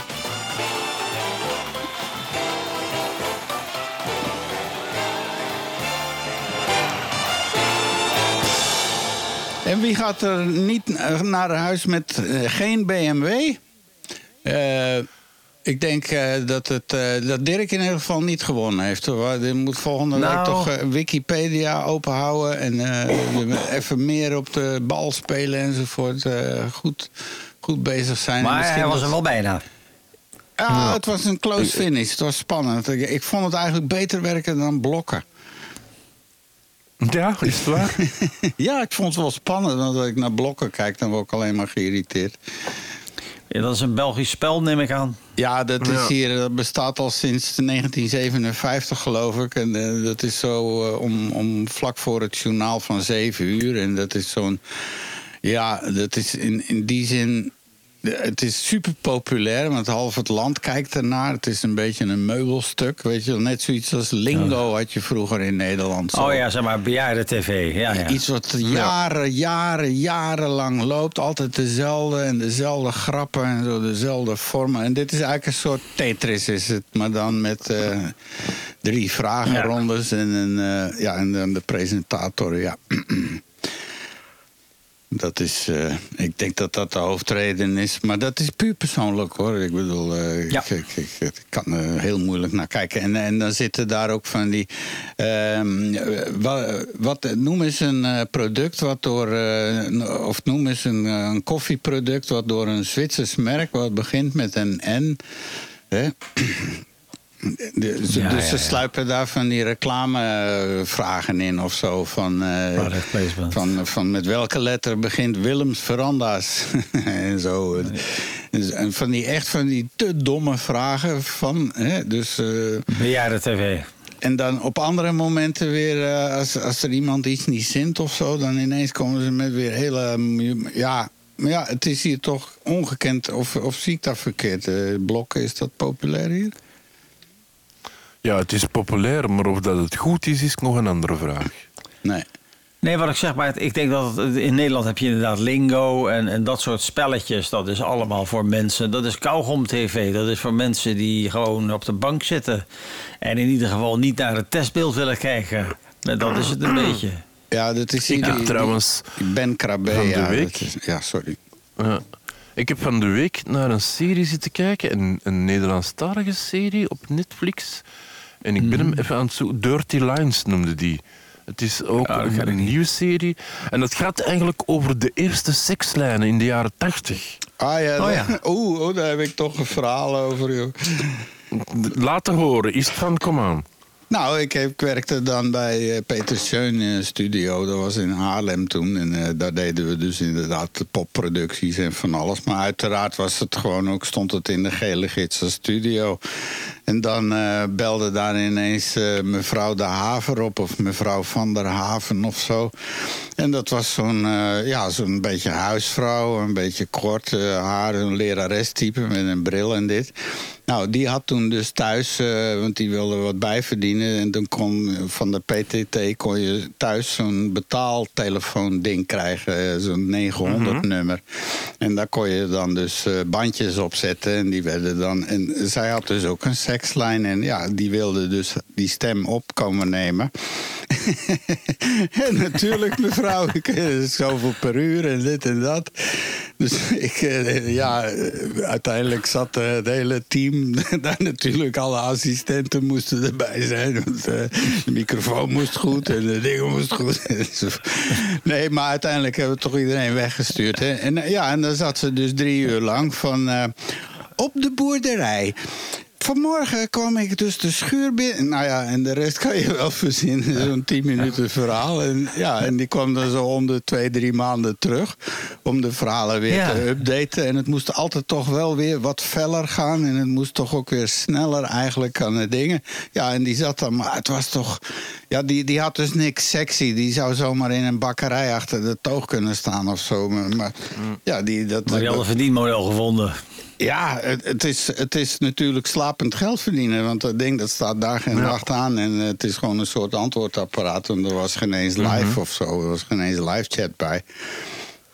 En dat was toen toch gauw een eh, één of twee gulden per minuut. En dat, en dat was ook nog niet zo beveiligd. Dus je had ook heel veel mensen die het een 50 beetje... cent per minuut is het in de serie. Nou ja, Ja, kan. nee, nee, dat was, eh, met die betaal eh, wa- was het wel meer hoor. Want de helft ging naar de Ja, ja, maar dat was het begin. Ze waren Ah, de ja. eerste. Ah, ja. En dan was, hadden 30 lijnen en 50 cent per minuut. En dan was er... Ze hadden iets nieuws geopend en, en er was zoveel eh, belverkeer dat de centrale dus vastliep. En ondertussen een duikboot uitbrandde en die konden niet telefoneren naar de brandweer, want de, de, de lijnen waren allemaal bezet. Dus er is een duikboot uitgebrand in Nederland, omdat zij een, een sekslijn hadden gestart. En dan werden ze geblokkeerd door de PTT. En dan zeiden ze daarna, de PTT zijn dan naar hun gekomen en zeiden ja, we moeten ons excuseren, want inderdaad dat die duikboot is uitgebrand is niet jullie schuld, dat is onze verantwoordelijkheid. Dus we geven jullie 300 lijnen. En dan moesten ze ja, dingen verzinnen hè, om die 300 lijnen te... Je moet zeker kijken, Dirty Lines. Super grappig. Eh, tip. Ah, oké. We zetten hem in de show notes. Eh, typ hem maar even in het eh, balkje. Dan zorg ik wel als je hem ergens in het dok kan smijten. Want wij moeten door, wij moeten door, alsmaar door. Radio Centraal. Ongehoord. Ongehoord. Onge ongehoord. Ongehoord. Ongehoord. Ongehoord.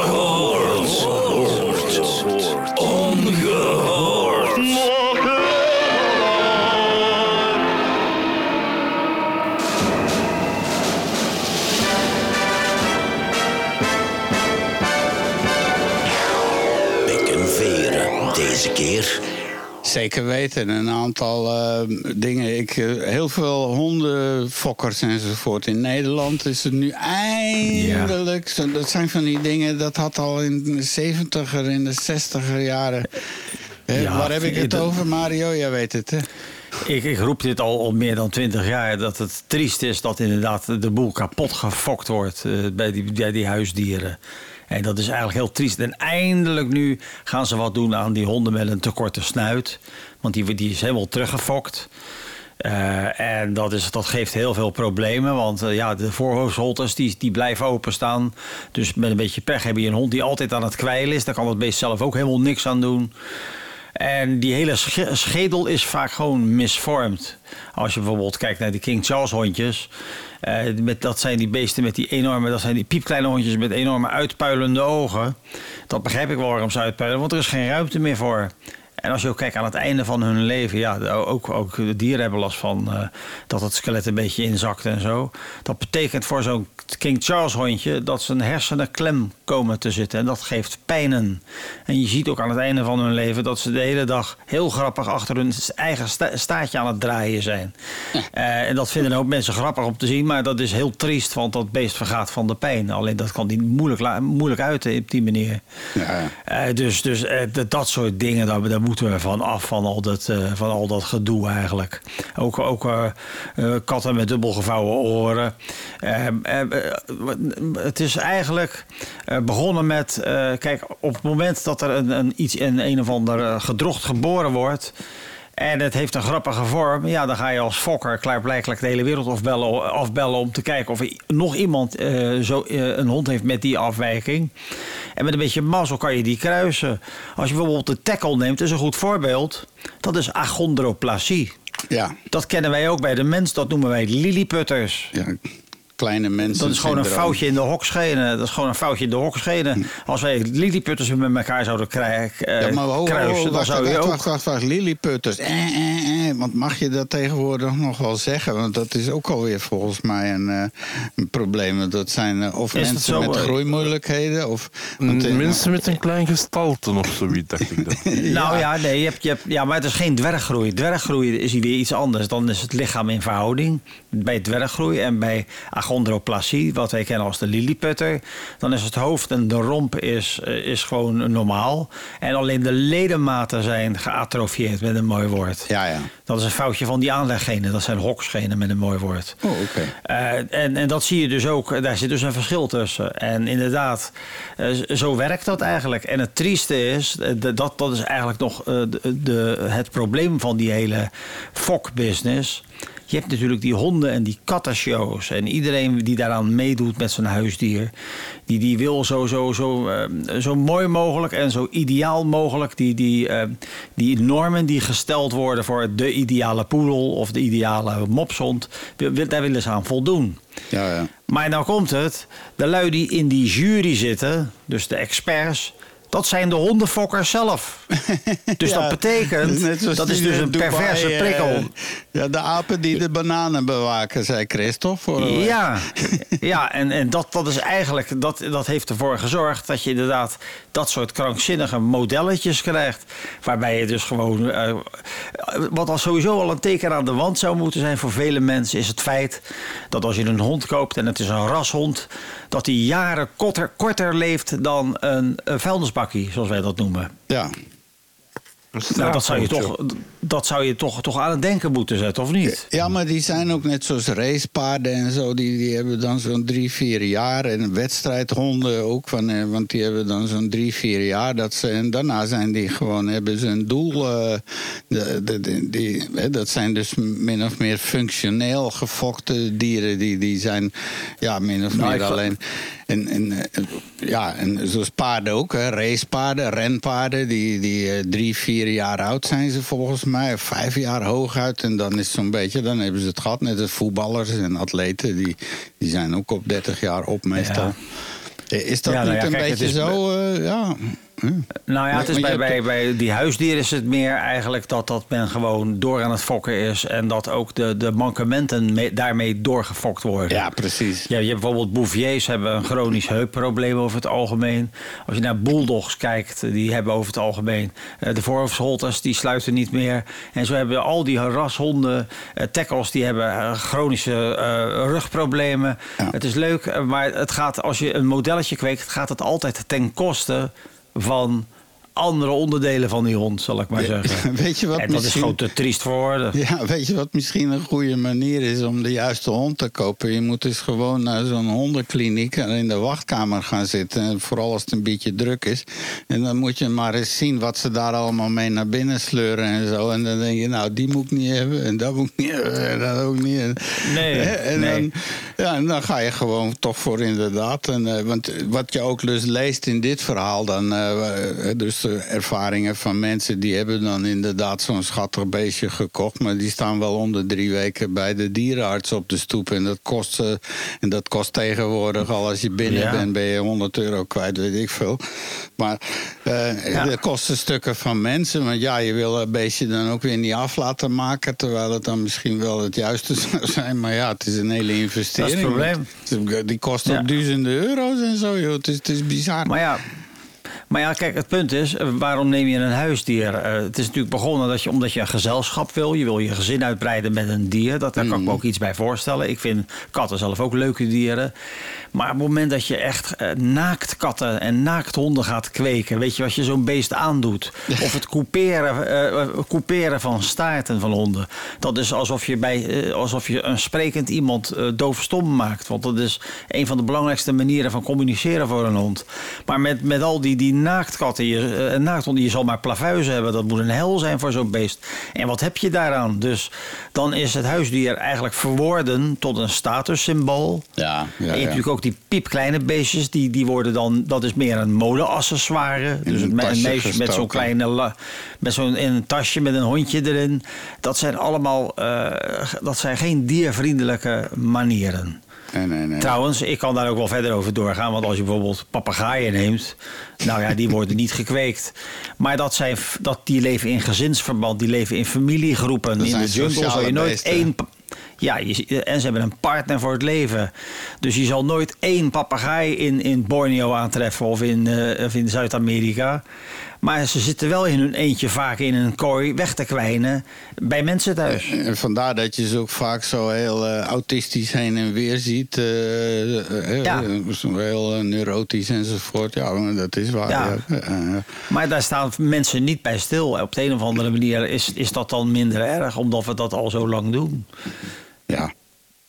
Ja, Nou, dus het is inderdaad verstandig om daar wat, wat reëler over, over na te denken. En eh, dierenwelzijn wat meer eh, la- voor zich laten spreken, zal ik maar zeggen. Zeg, ja.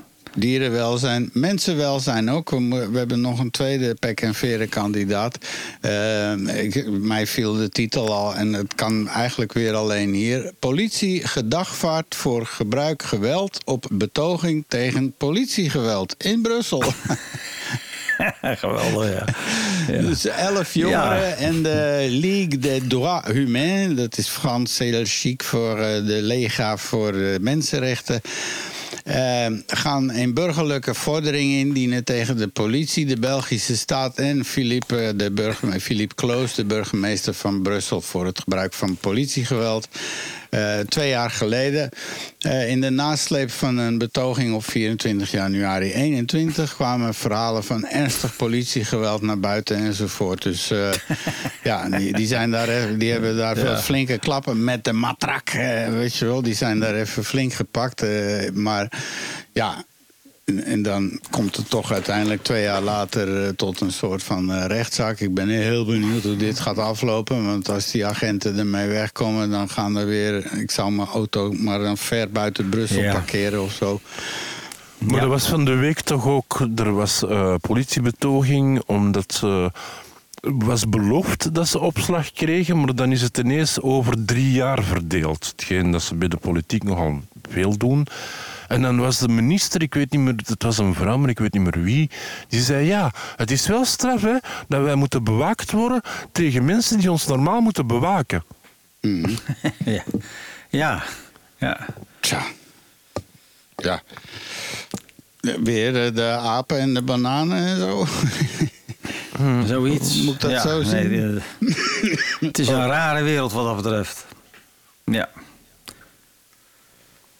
Alright, Ik moest dan even is het een rondje kosmos. De koch, ik moest Ja. even de kochknop gebruiken. Nee, de kuchknop. De, Ja. de, nee, de, Maar je was te laat. Ja, nee, ja, dat, daarom. dat maakt er toch niet veel mee dat dat iets van stilvalt. Dat is een van de eerste keren. Dit moment moeten Ja. wij koesteren. Je niet? Zou wij zijn medicatie al genomen hebben, want het was nog vroeg, hè? Oké. Ik, ja, daarom. Dus dat, moet- zoiets moet het zijn, denk ik. Maar goed, oké. U luistert naar Jan Kosmos aan de praattafel.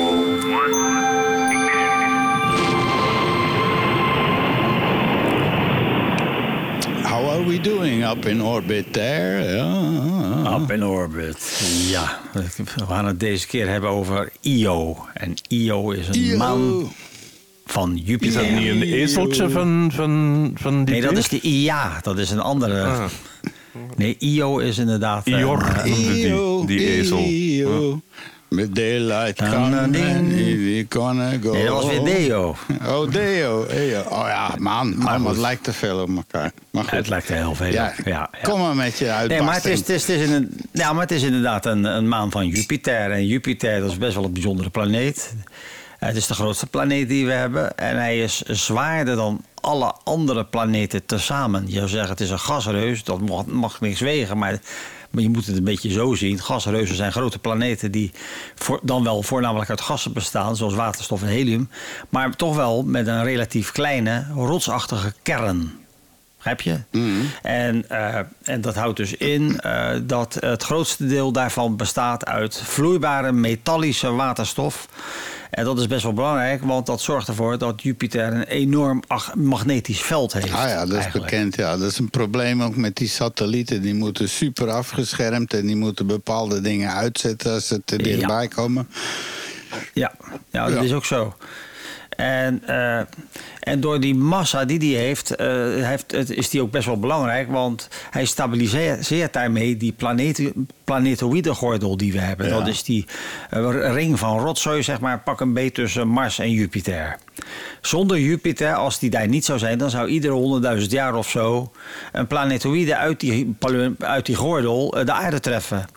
En dan, dan denk ik niet dat leven mogelijk zou zijn geweest. Dat is dan denk ik onmogelijk. Eh, en ook andere objecten worden dus eh, door Jupiter weggevangen. Eigenlijk is het een soort stofzuiger, zou je kunnen zeggen. En je hoort ook steeds meer eh, stemmen opgaan voor de, voor de stelling dat de, de aanwezigheid van een Jupiter-achtige planeet in een planetenstelsel, dat dat mogelijk een voorwaarde zou kunnen zijn voor de ontwikkeling van leven in zo'n stelsel. Dus niet alleen die, die Goldilocks-zone, dus waar je vloeibaar water kan hebben, maar ook, je hebt dan ook klaarblijkelijk een enorme planeet nodig die als een stofzuiger zeg maar, de boel beschermt. Dat, zou- dat, dus, maar ja, goed, dat is weer een nieuw inzicht wat men nu heeft. Eh, maar we gaan het hebben over de manen eh, van eh, Galileo. Het zijn er nogal wat. Het zijn er inmiddels 79. Maar ja, eh, Oh my 58 God. daarvan hebben er een diameter kleiner dan 10, meter, 10 kilometer. En die zijn pas na 1975 ontdekt. maar eh, eh, Galileo in 1610 die ontdekte met, met zo'n beetje de allereerste telescoop die er was... de vier grootste manen van Jupiter tot nu. En die staan bekend eh, als de Galileïsche manen. En drie daarvan, dat, dat zijn Io, Europa, Ganymedes... Nee, dat is Io, sorry. het zijn dus Io, Europa, Ganymedes en Callisto. Zo moet ik het zeggen. Die vier zijn ze. Dat zag hij. Even een grappig feitje tussendoor. Het feit dat hij dus die, die, eh, die maantjes zag om eh, Jupiter heen. eh, dat was eigenlijk de eerste keer dat een, een maan werd gevonden om een andere planeet dan die van ons. En dat leidde uiteindelijk tot het inzicht dat de planeten om de zon draaien. Dus het heliocentrisme. In plaats van dat ons zonnestelsel helemaal om de aarde heen draait. Wat dus Galileo heeft moeten afzweren voor de kerk. Weet je dat nog? Heel raar verhaal is dat, maar goed. Eh, Moest hij ook maar- niet zeggen dat de aarde plat was? Nee, dat hoefde hij niet te zeggen. Maar Ja. wel. eh, maar, en en eh, Copernicus moest dat ook doen, hè, trouwens. Ja, ja, ja. heeft Die, die, die zijn Ja. allebei dan. eh, Galileo gaf toe, maar, maar dat is ook een heel dubbel Ja. verhaal allemaal weer. Ja, heel raar verhaal. Ja.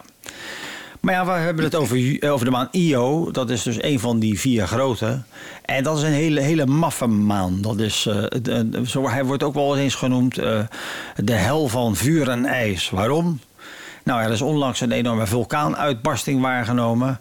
Eh, dat was in de herfst van 2022 met behulp van de IO Input Output Observer, Observatory.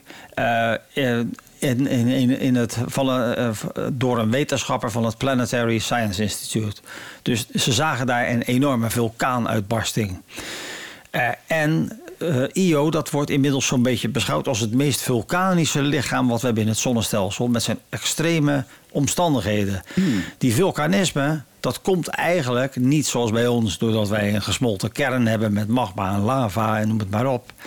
Dat komt door de zwa- enorme zwaartekrachtinvloed van die moederplaneet.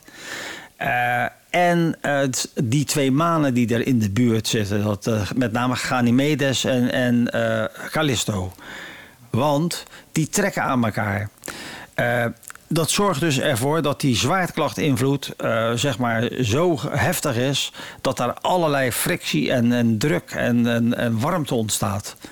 De oppervlaktetemperatuur is daar op, bij, op Io gemiddeld min 130.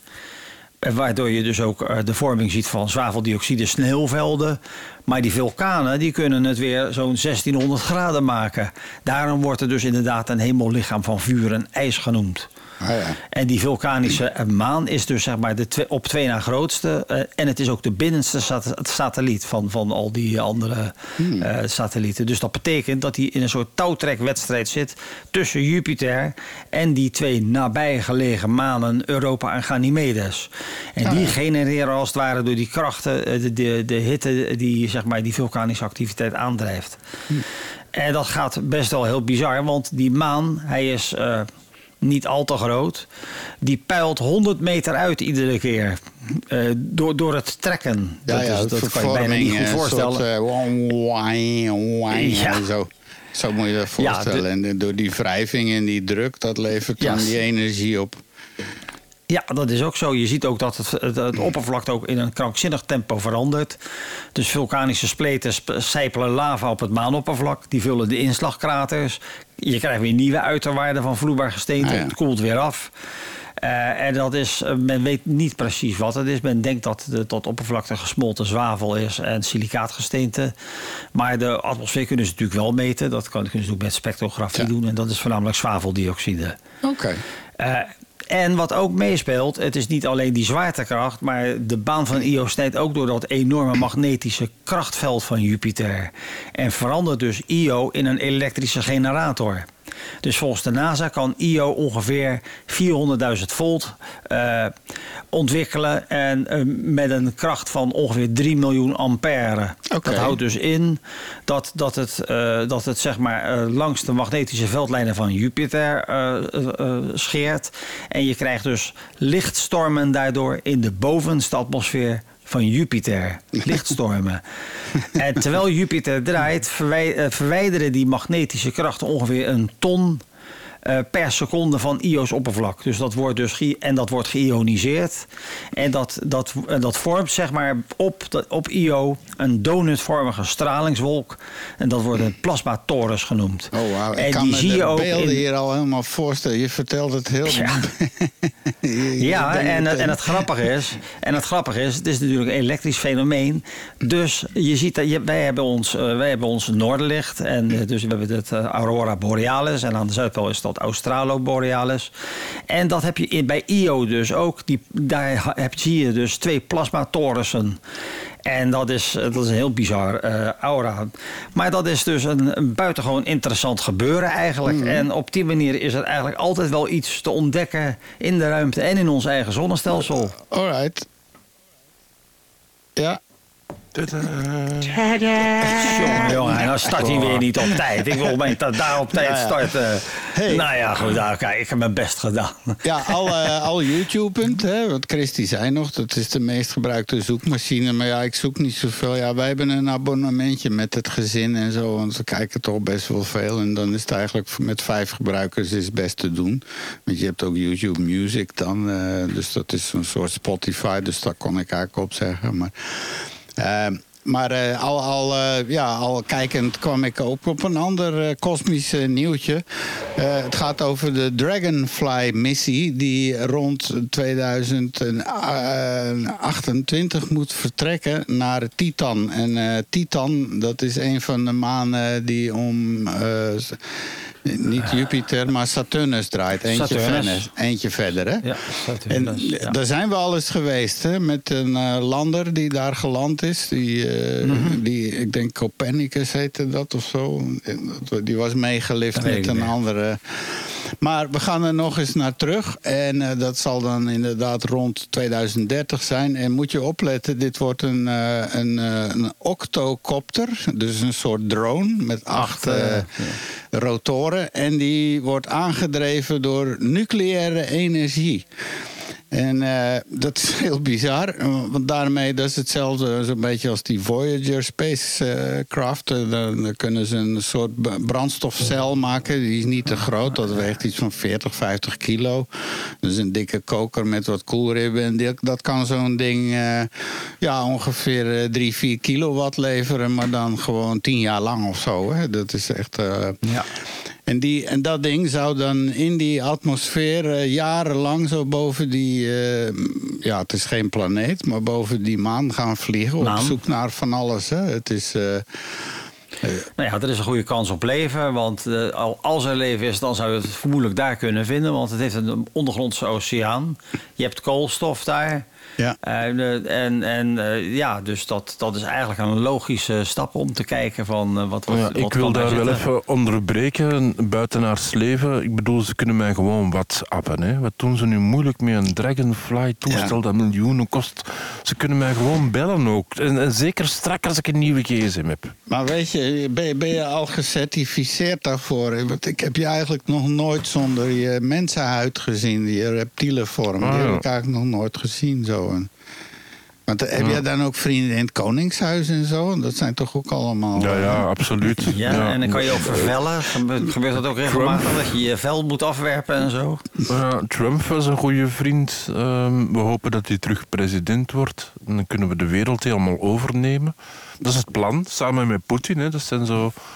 Ja. Ja. Ik was minder succesvol. Ze hebben mij nooit verkozen. Ik heb twee keer mee een politieke partij opgestart. Dat eigenlijk geen politieke partij was. Eentje met de schijnburgemeester. En daar had ik toch 29 stemmen. Wat, wat eh, Ja. 28 stemmen meer waren dan dat ik verwacht had.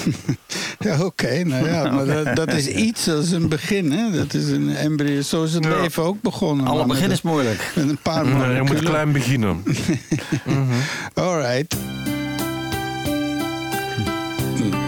Uw favoriete quiz brengt u gedicht erbij. Ja, het is weer het eh, zen-momentje. We hebben al dat, eh dat eh, tough, food, maar toch wel weer nuttige informatie. Allemaal weer wat we mee kunnen nemen naar het water, naar het cafétafel. Hè. Dit gesprek zou zich voort moeten planten aan vele tafels en zo. Tenminste, dat hopen wij dan toch. Hè. Dat pretenderen. Dat is zoals vroeger is het van als er iets Ja. op tv was, dat ze dan de dag daarna zeggen, zeg, heb je dat gezien op tv? Ja. Maar dan in dit geval, heb je de praattafel gehoord deze week? Ja, zo- precies. Hè? Een, een, een waterkoelergesprek. Zo, die gesprekjes op bedrijven bij de waterkoeler. Zo. Die overal nu weer afgeschaft worden. Want dat vreet wel energie en dat is duur ook, die dingen. Ja. Maar we hebben het over gedichten vandaag. Of, of Dit moment blokje. in ieder geval. Ik, ik ben jouw blokje Ja. weer aan het verstachelen. Ja, met andere dingen die totaal niet te maken hebben met wat ik wil zeggen. Maar dat maakt niet uit. Is Nee. jij mag dat. Als iemand dat mag, dan ben Ah, jij Ik word helemaal warm. Zwat. Zwart. Ja. Eh, vandaag een gedicht van Hendrik Nicolaas Werkman. Hij was een eh, Nederlands expressionistisch kunstenaar en hij werd bekend als de drukker van de ploeg. En de ploeg was dan een kunstenaarsvereniging die aan het begin van de 20e eeuw het culturele leven in Groningen opschudde. Wat dat ook mag betekenen. In ieder geval, het is een klankgedicht. Een, klankgedicht, ja. En het noemt Lumoon, Lamoon, Leroom, Lakoum. En het wordt ongelooflijk goed begeleid door onze enige Mario Regret. Oké, net nu begint je stem te krakkelen. Wacht even. Kra- Krakkel ik nog steeds? Nee, nee, niet. ik waarschuw je al. Ah, ja. En ik heb ook zo, de, de, om de een of andere reden, eh, moet ik dit gedicht eigenlijk opdragen alsof dat ik een, een toverspreuk uitspreek. Om, ik weet niet waarom, maar het is zo gewoon. Le moon, la moon, la kroem, la koem, bergamotse pergolas.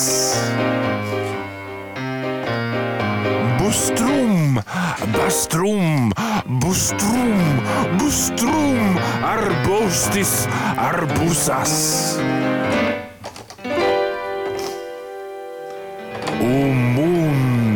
Amun, acrum, acum, Postolarm, postolas. Acrum, barum, facrum, farum, synagobia, synecopas. Alum, alum, usdrum. Nosdroem, akolasi, rabotas. Oeldroes? Het gaat nog verder, hè? Oeldroes, knoeldroes, boedeldroes, moeldroes, pastororium, gramassa. Even hoesten tussendoor. Omboom, omboom, zoomboom, boom boom, castranorium, castrafas. Uw favoriete quiz brengt uw gedicht erbij. Een klankgedicht. Ja. Nou, dat klonk we zullen inderdaad. het gewoon ook eh, op de website zetten, dat de mensen het nog eens kunnen nalezen. Over, over wat ging het nu weer? En dan kunnen ze het nalezen. Ja, deze wel. Maar ik vond trouwens dat eh, de muziek er perfect... want ik kreeg echt in eh, gewoon beelden, zwart-witte beelden Ja. bij... van eh, de, een heel abstracte, zo'n 1901-achtige, maar wat er ook? Ah, nee, ja. artistieke... fi- ja. Nee, de, de tijd van de stomme film was toch best wel... Ik vond het best wel heel leuk altijd eigenlijk. Ja, ik Dat ben, missen, missen we eigenlijk een beetje. ja, en wat we Ja. ook, ook missen is bijvoorbeeld de comedy capers en zo. Hè. Dat Oh was, ja, eh, Comedy Keeper. Ja, heerlijk, heerlijk Ja, ja. was dat. Ja, ik had nog een Ja. ander brokje. eh, moet ik even zoeken waar dat gebleven is. Eh, maar anders moeten we dat voor de volgende keer bewaren. Maar eh, nee, eh, nee. of staat dat hier nog ergens van? Ah ja, dat doen we wel een andere keer. Oh nee, hier Ja, is ik draai ook nog regelmatig wel eens een... een, een Zo is het. netjes van de bovenhang. Sorry, wat? Ja, je hebt, als je van die, die periode houdt, heb je ook een band die heet de Bohanks. Eh, en dat is dan echt een moeite waard. Dat, die hebben eigenlijk, eh, dat is een, het is een kopie van de muziek van eh Stanley en Oliver Hardy. Alles is uitgeschreven en Ah, opnieuw ja, weer ja. Op, op originele instrumenten uitgevoerd. Dat is, daar word je alleen maar vrolijk van.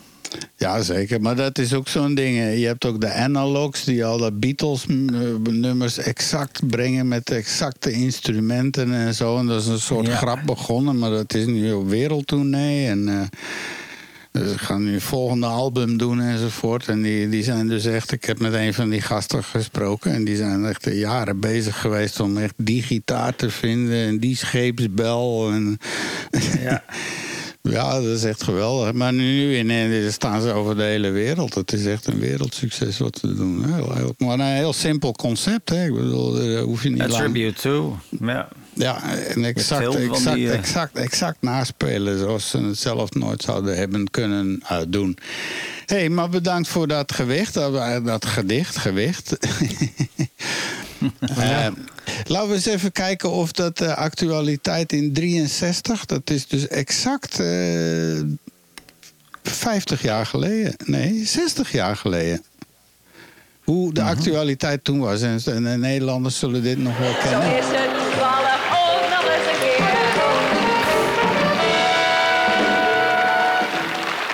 Ja. Wat is er eigenlijk met ons leger aan de hand? De kranten staan vol berichten over bezuinigingen... en er worden om de havenklap vragen gesteld in de Kamer. Daarom hebben we de chef-staf gevraagd of hij ons geen echte generaal kon sturen... om het een en ander uit te leggen. Hier is hij dan. Ja, als u uitgelachen bent, kan ik me even voorstellen. Mijn naam is... Mijn naam is Bronkhorst, ik ben luitenant-generaal-majoor. Zegt u maar, generaal. Ik neem nu even mijn pet af.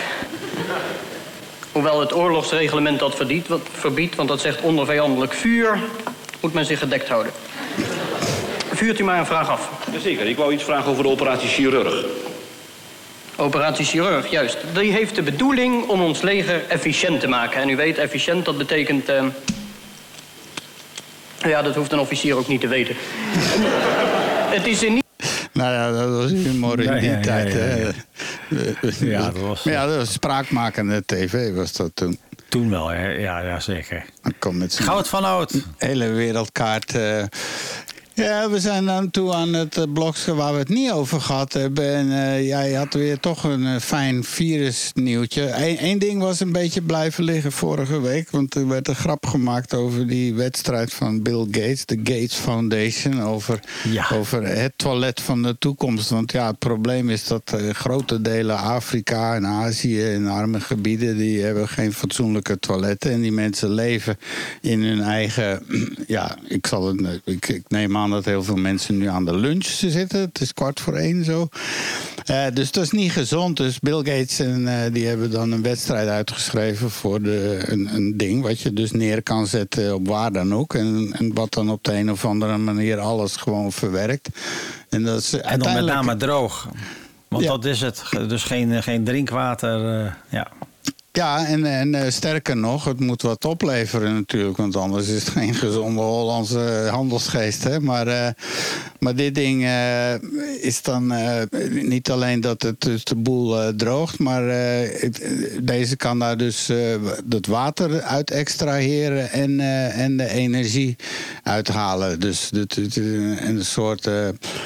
Nou, de winners of the Reinvented Toilet Challenge. En, uh, dus, en de drie andere winnaars, waren er één. En er was ook een Nederlandse winnaar. Uh, ah ja, hier... Uh, ja, dus fijn. Dus, nou ja, dat wou ik gewoon even melden. Een beetje trots. Oh, okay. Nou ja, zeker. Het is, het is wel verstandig dat, dat daar aan gedacht wordt. Want ja, hoe, hoe doe je dat in... in, in Kijk, toilethygiëne en gezondheid, dat zijn twee dingen. Zoiets als difterie, wat, of wat daar best wel voorkomt, is over het algemeen te wijten aan slechte toilethygiëne. Mm -hmm. Uh, en kijk, hier in Nederland uh, ja, hebben we natuurlijk, heb je, heb je dat niet. Want uh, we hebben hier natuurlijk schone voorzieningen en dat zal in België niet anders zijn. Maar in dat soort landen is het toch wel behelpen eigenlijk. Het is vaak, vaak niet meer dan een gat in de grond en daar moet je het dan mee doen. Dus verstandig ja, dat, dat men ook inderdaad... Ziektes, ja, enzovoort. ja, nee, zeker. Krijg je, eh, krijg je een leuk Nederlands programma, heel Holland kakt, als we dat hier zouden hebben met difterie. Ja. Dat is een vreselijk gebeuren. Dat, eh, maar ja, goed. En met name uitdroging door diarree komt daar natuurlijk heel vaak voor. Dat is een van de oorzaken, Mm. een van de grootste oorzaken van kindersterfte in de derde wereld. Ja. Dus het is, het is een beetje een raar onderwerp, maar heel verstandig dat ze dat toch aanpakken. Ja, ja. daar is Bel al lang mee bezig met die toiletten. Er werd Ja. altijd een beetje schamper over gedaan. Maar dat is toch zeer essentieel, want iedereen doet het. Hè? Koning, keizer, admiraal. Dingen doen we allemaal. Ja, ik ben, nee, ik ben helemaal in de kindertijd terug aan het gaan met al de reclames en zo. Ja, dat is jouw leeftijd, hè, denk Ja, ik. Ja, ik maar dat, is niet erg, dat is niet erg. Ja, maar onze Is dat ook luisteraars... een- ja. Teken van een bepaalde ziekte als je teruggaat in de tijd? Ja, maar dat Ja. is die vergeten, dat weet hij niet meer. Ah, Ja, dat precies. Eh, nee, we gaan gewoon door vooruit. Ik weet al niet meer waar we gebleven, waar we vandaan komen. We gaan gewoon vooruit, vooruit. Dat is het fijne van Vooruit. dementie ook. Ja, dat weet ik niet. Is, is dat fijn? demen- Nou ja, gaan we het een andere keer Nee, over hebben. Nou ja, je weet het niet meer, hè. Ja, Maar Ja, goed. ik, ik werk nu wel samen met een alleraardigste muziekgroepje. Dat zijn de Mentalisten. En iets anders, gewoon de Mentalisten. En, Ja. zo. en die maken enorm grappige muziek. Heel fijn om mee te werken. Fijn clubje. Ga je binnenkort meer van horen. hey, eh, wat krijgen we nou? Virussen zijn bekend dat die een host nodig hebben. Die leven niet uit zichzelf. Maar nu kom jij met een virus af die zelf energie produceert. Ja, dat is, dat is eigenlijk eh, iets wat, waar, waar niemand eh, wat dacht dat dat mogelijk was. Want virussen, ja, wat zijn virussen en leven ze? Dat is altijd een, eh, een, een virus, leeft dat of is dat dood? Want een van de voorwaarden van leven is het feit dat je- dat je jezelf kan voortplanten. En dat kunnen virussen niet. Virussen die hebben echt een gastheer nodig die dat voor hun doet. Dus ze hacken een cel en gebruiken dus het kopieermechanisme van die cel eh, om, om zichzelf te repliceren. Dus in die zin eh, wordt een virus ook niet als eh, levend beschouwd. En je, het kan nog erger, als je bijvoorbeeld prionen neemt, dat is weer een stapje verder. Dat zijn eh, gewoon eh, ziekmakende stuk eiwit die de eigenaardigheid hebben dat ze, als ze een buurman aantikken, dat hij dus ook zeg maar, zich anders vouwt. Dat is dus gewoon meer een soort mechanisch iets. Ja, ja, dat, Ja. dat zijn echt prionziekten. Ja. Maar virussen, ja, zijn ze dood ja, of En levend? Dat, maar dat nu, is nog maar de nu vraag. hebben ze er een gevonden die zelf energie maakt. Nou, sterker nog, het is ook een reus, eh, reuze energie. Kijk, normaal bestaan. eh, we hebben altijd gedacht. het is niet, niets meer dan RNA of DNA verpakt in een jasje van eiwitten. Ja, Dat is het eigenlijk. maar dat is het Eh, niet. maar, maar, en ze moeten dus inderdaad iets infecteren om zichzelf zelf te kopiëren. Ja, ja. En nu hebben ze ontdekt dat een, een, ze hebben een reuzenvirus ontdekt, het zogeheten Mimi-virus. En daarna hebben ze nog honderden andere gevonden. En eh, de grens is dus gewoon vervaagd tussen virussen en, en levende cellen. En die reuzenvirussen zijn normaal heel klein. Als je bijvoorbeeld de, vagen neemt, dat zijn die dat bacteriofagen, die, die leven van bacteriën. Dat zijn piepkleine maanlandertjes, zo zien ze er ook echt uit, die op een virus, op, op een bacterie landen. Een bacterie, die, die zal misschien een halve micron zijn en een virus is daar een honderdste van of zo. Die zijn normaal veel kleiner dan bacteriën. Maar nu zijn er reuzenvirussen gevonden die zelfs groter zijn dan sommige bacteriële cellen. En die hebben ook lange genomen met heel veel genen. En dat is ook anders, want dat was vroeger eh, een zeer bescheiden hoeveelheid. Eh, en ze hebben de mogelijkheid om zelf DNA naar RNA te kopiëren. Normaal als een gen afgeschreven wordt, denk aan dat laddertje. Die de, normaal uit die ladder wordt dan een stukje geknipt. Dat, die halve, dat halve laddertje gaat naar een apparaatje in de cel. En, en eh, dat stukje ladder noem je dan RNA. En dat gaat in het machientje en dan komt een eiwit uit. Eh, maar dat, dat kunnen ze nu dus zelf. En ze kunnen ook aangevallen worden door kleinere virussen en hebben een soort van een immuunsysteem. Dat heeft een virus ook niet, Oh een standaard virus.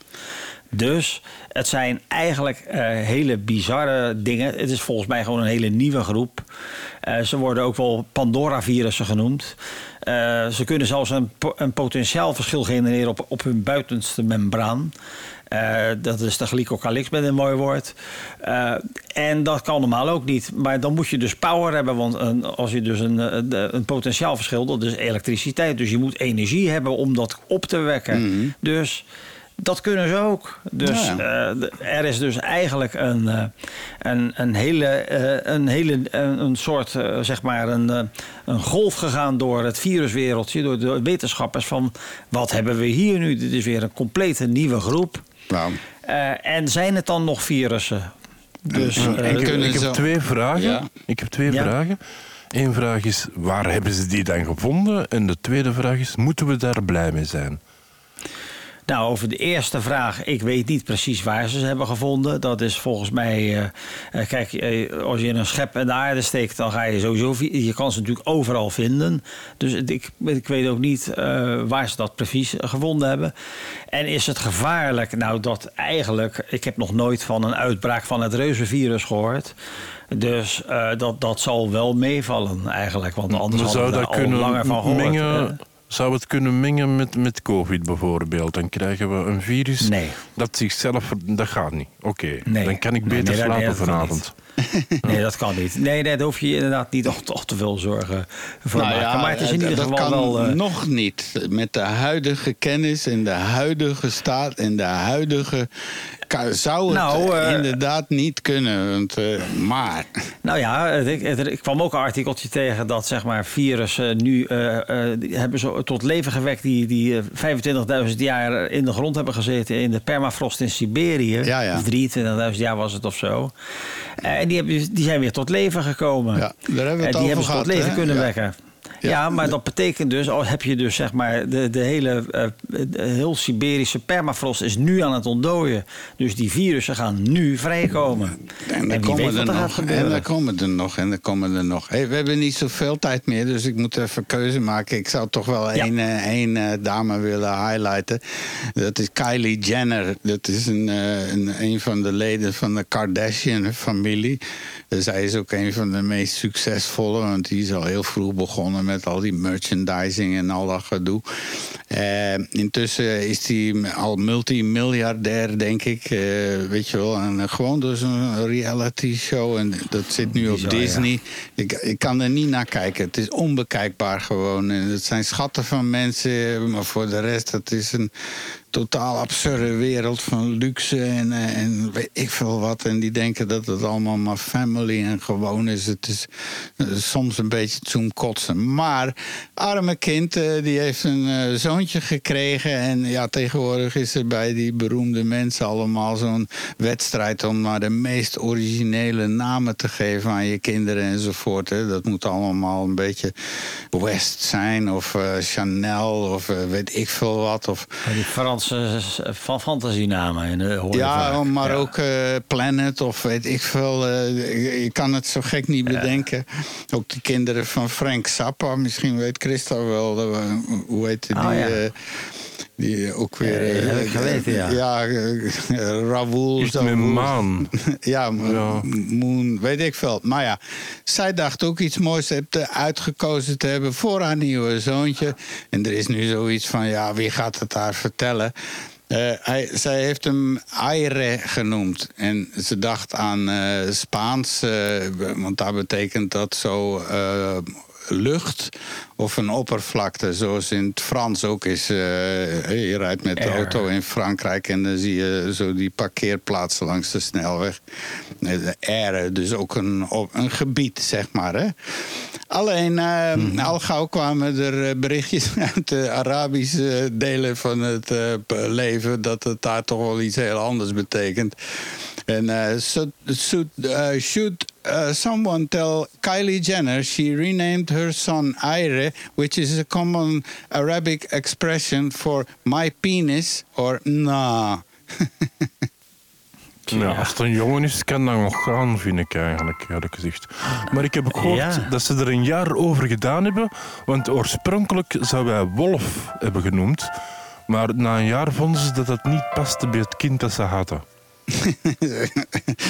De, het experiment was Was meer, mislukt. een, meer een lam was het, meer een lam eigenlijk. Eh, Rosemary's baby, Kelly's baby, no. Ja. ja, linkerboel. Nou ja. Ja, intussen k- krijgen we een melodie vol melancholie enzovoort. Hè. Dus even nog eh, recappen waar we allemaal geweest zijn. Deze keer eh, we hebben het gehad over... ja, waar was dat allemaal, joh? Eh, te veel Antwerps in eh, eh, het verhaal van Vlaanderen. Maar je mag het maar kijken in Nederland ook hoor. Want het is gewoon op één. Het is VRT 1, maar dat is, dat is gewoon één. Canvas en één. Dat is bijna overal in Nederland te zien. Hè.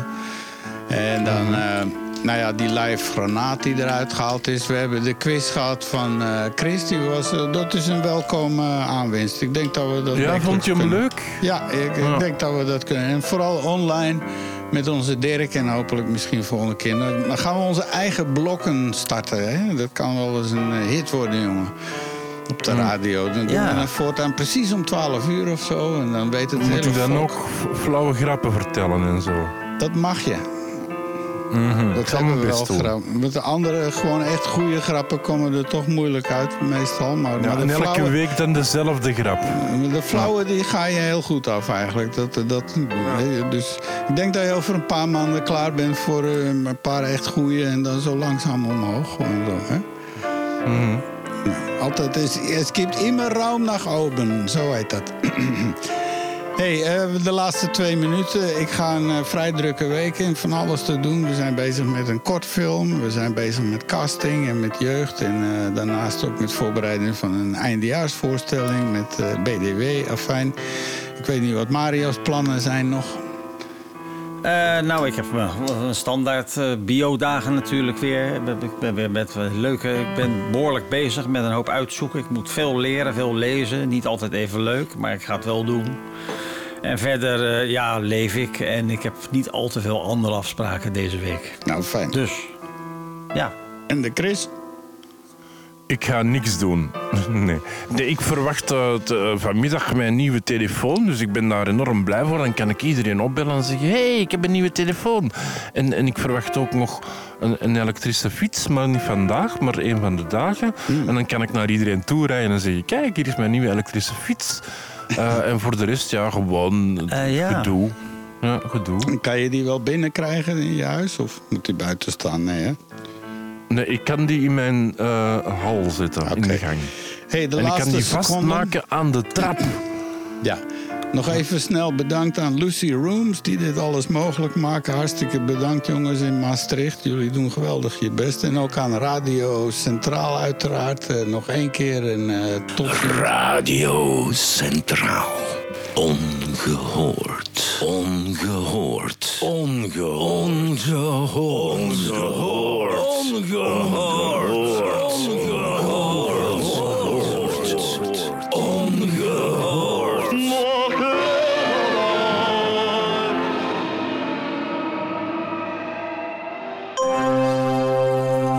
U was wederom welkom aan deze aflevering van de Praattafel. Kijk op praattafel.be voor de show notes. Tot de volgende.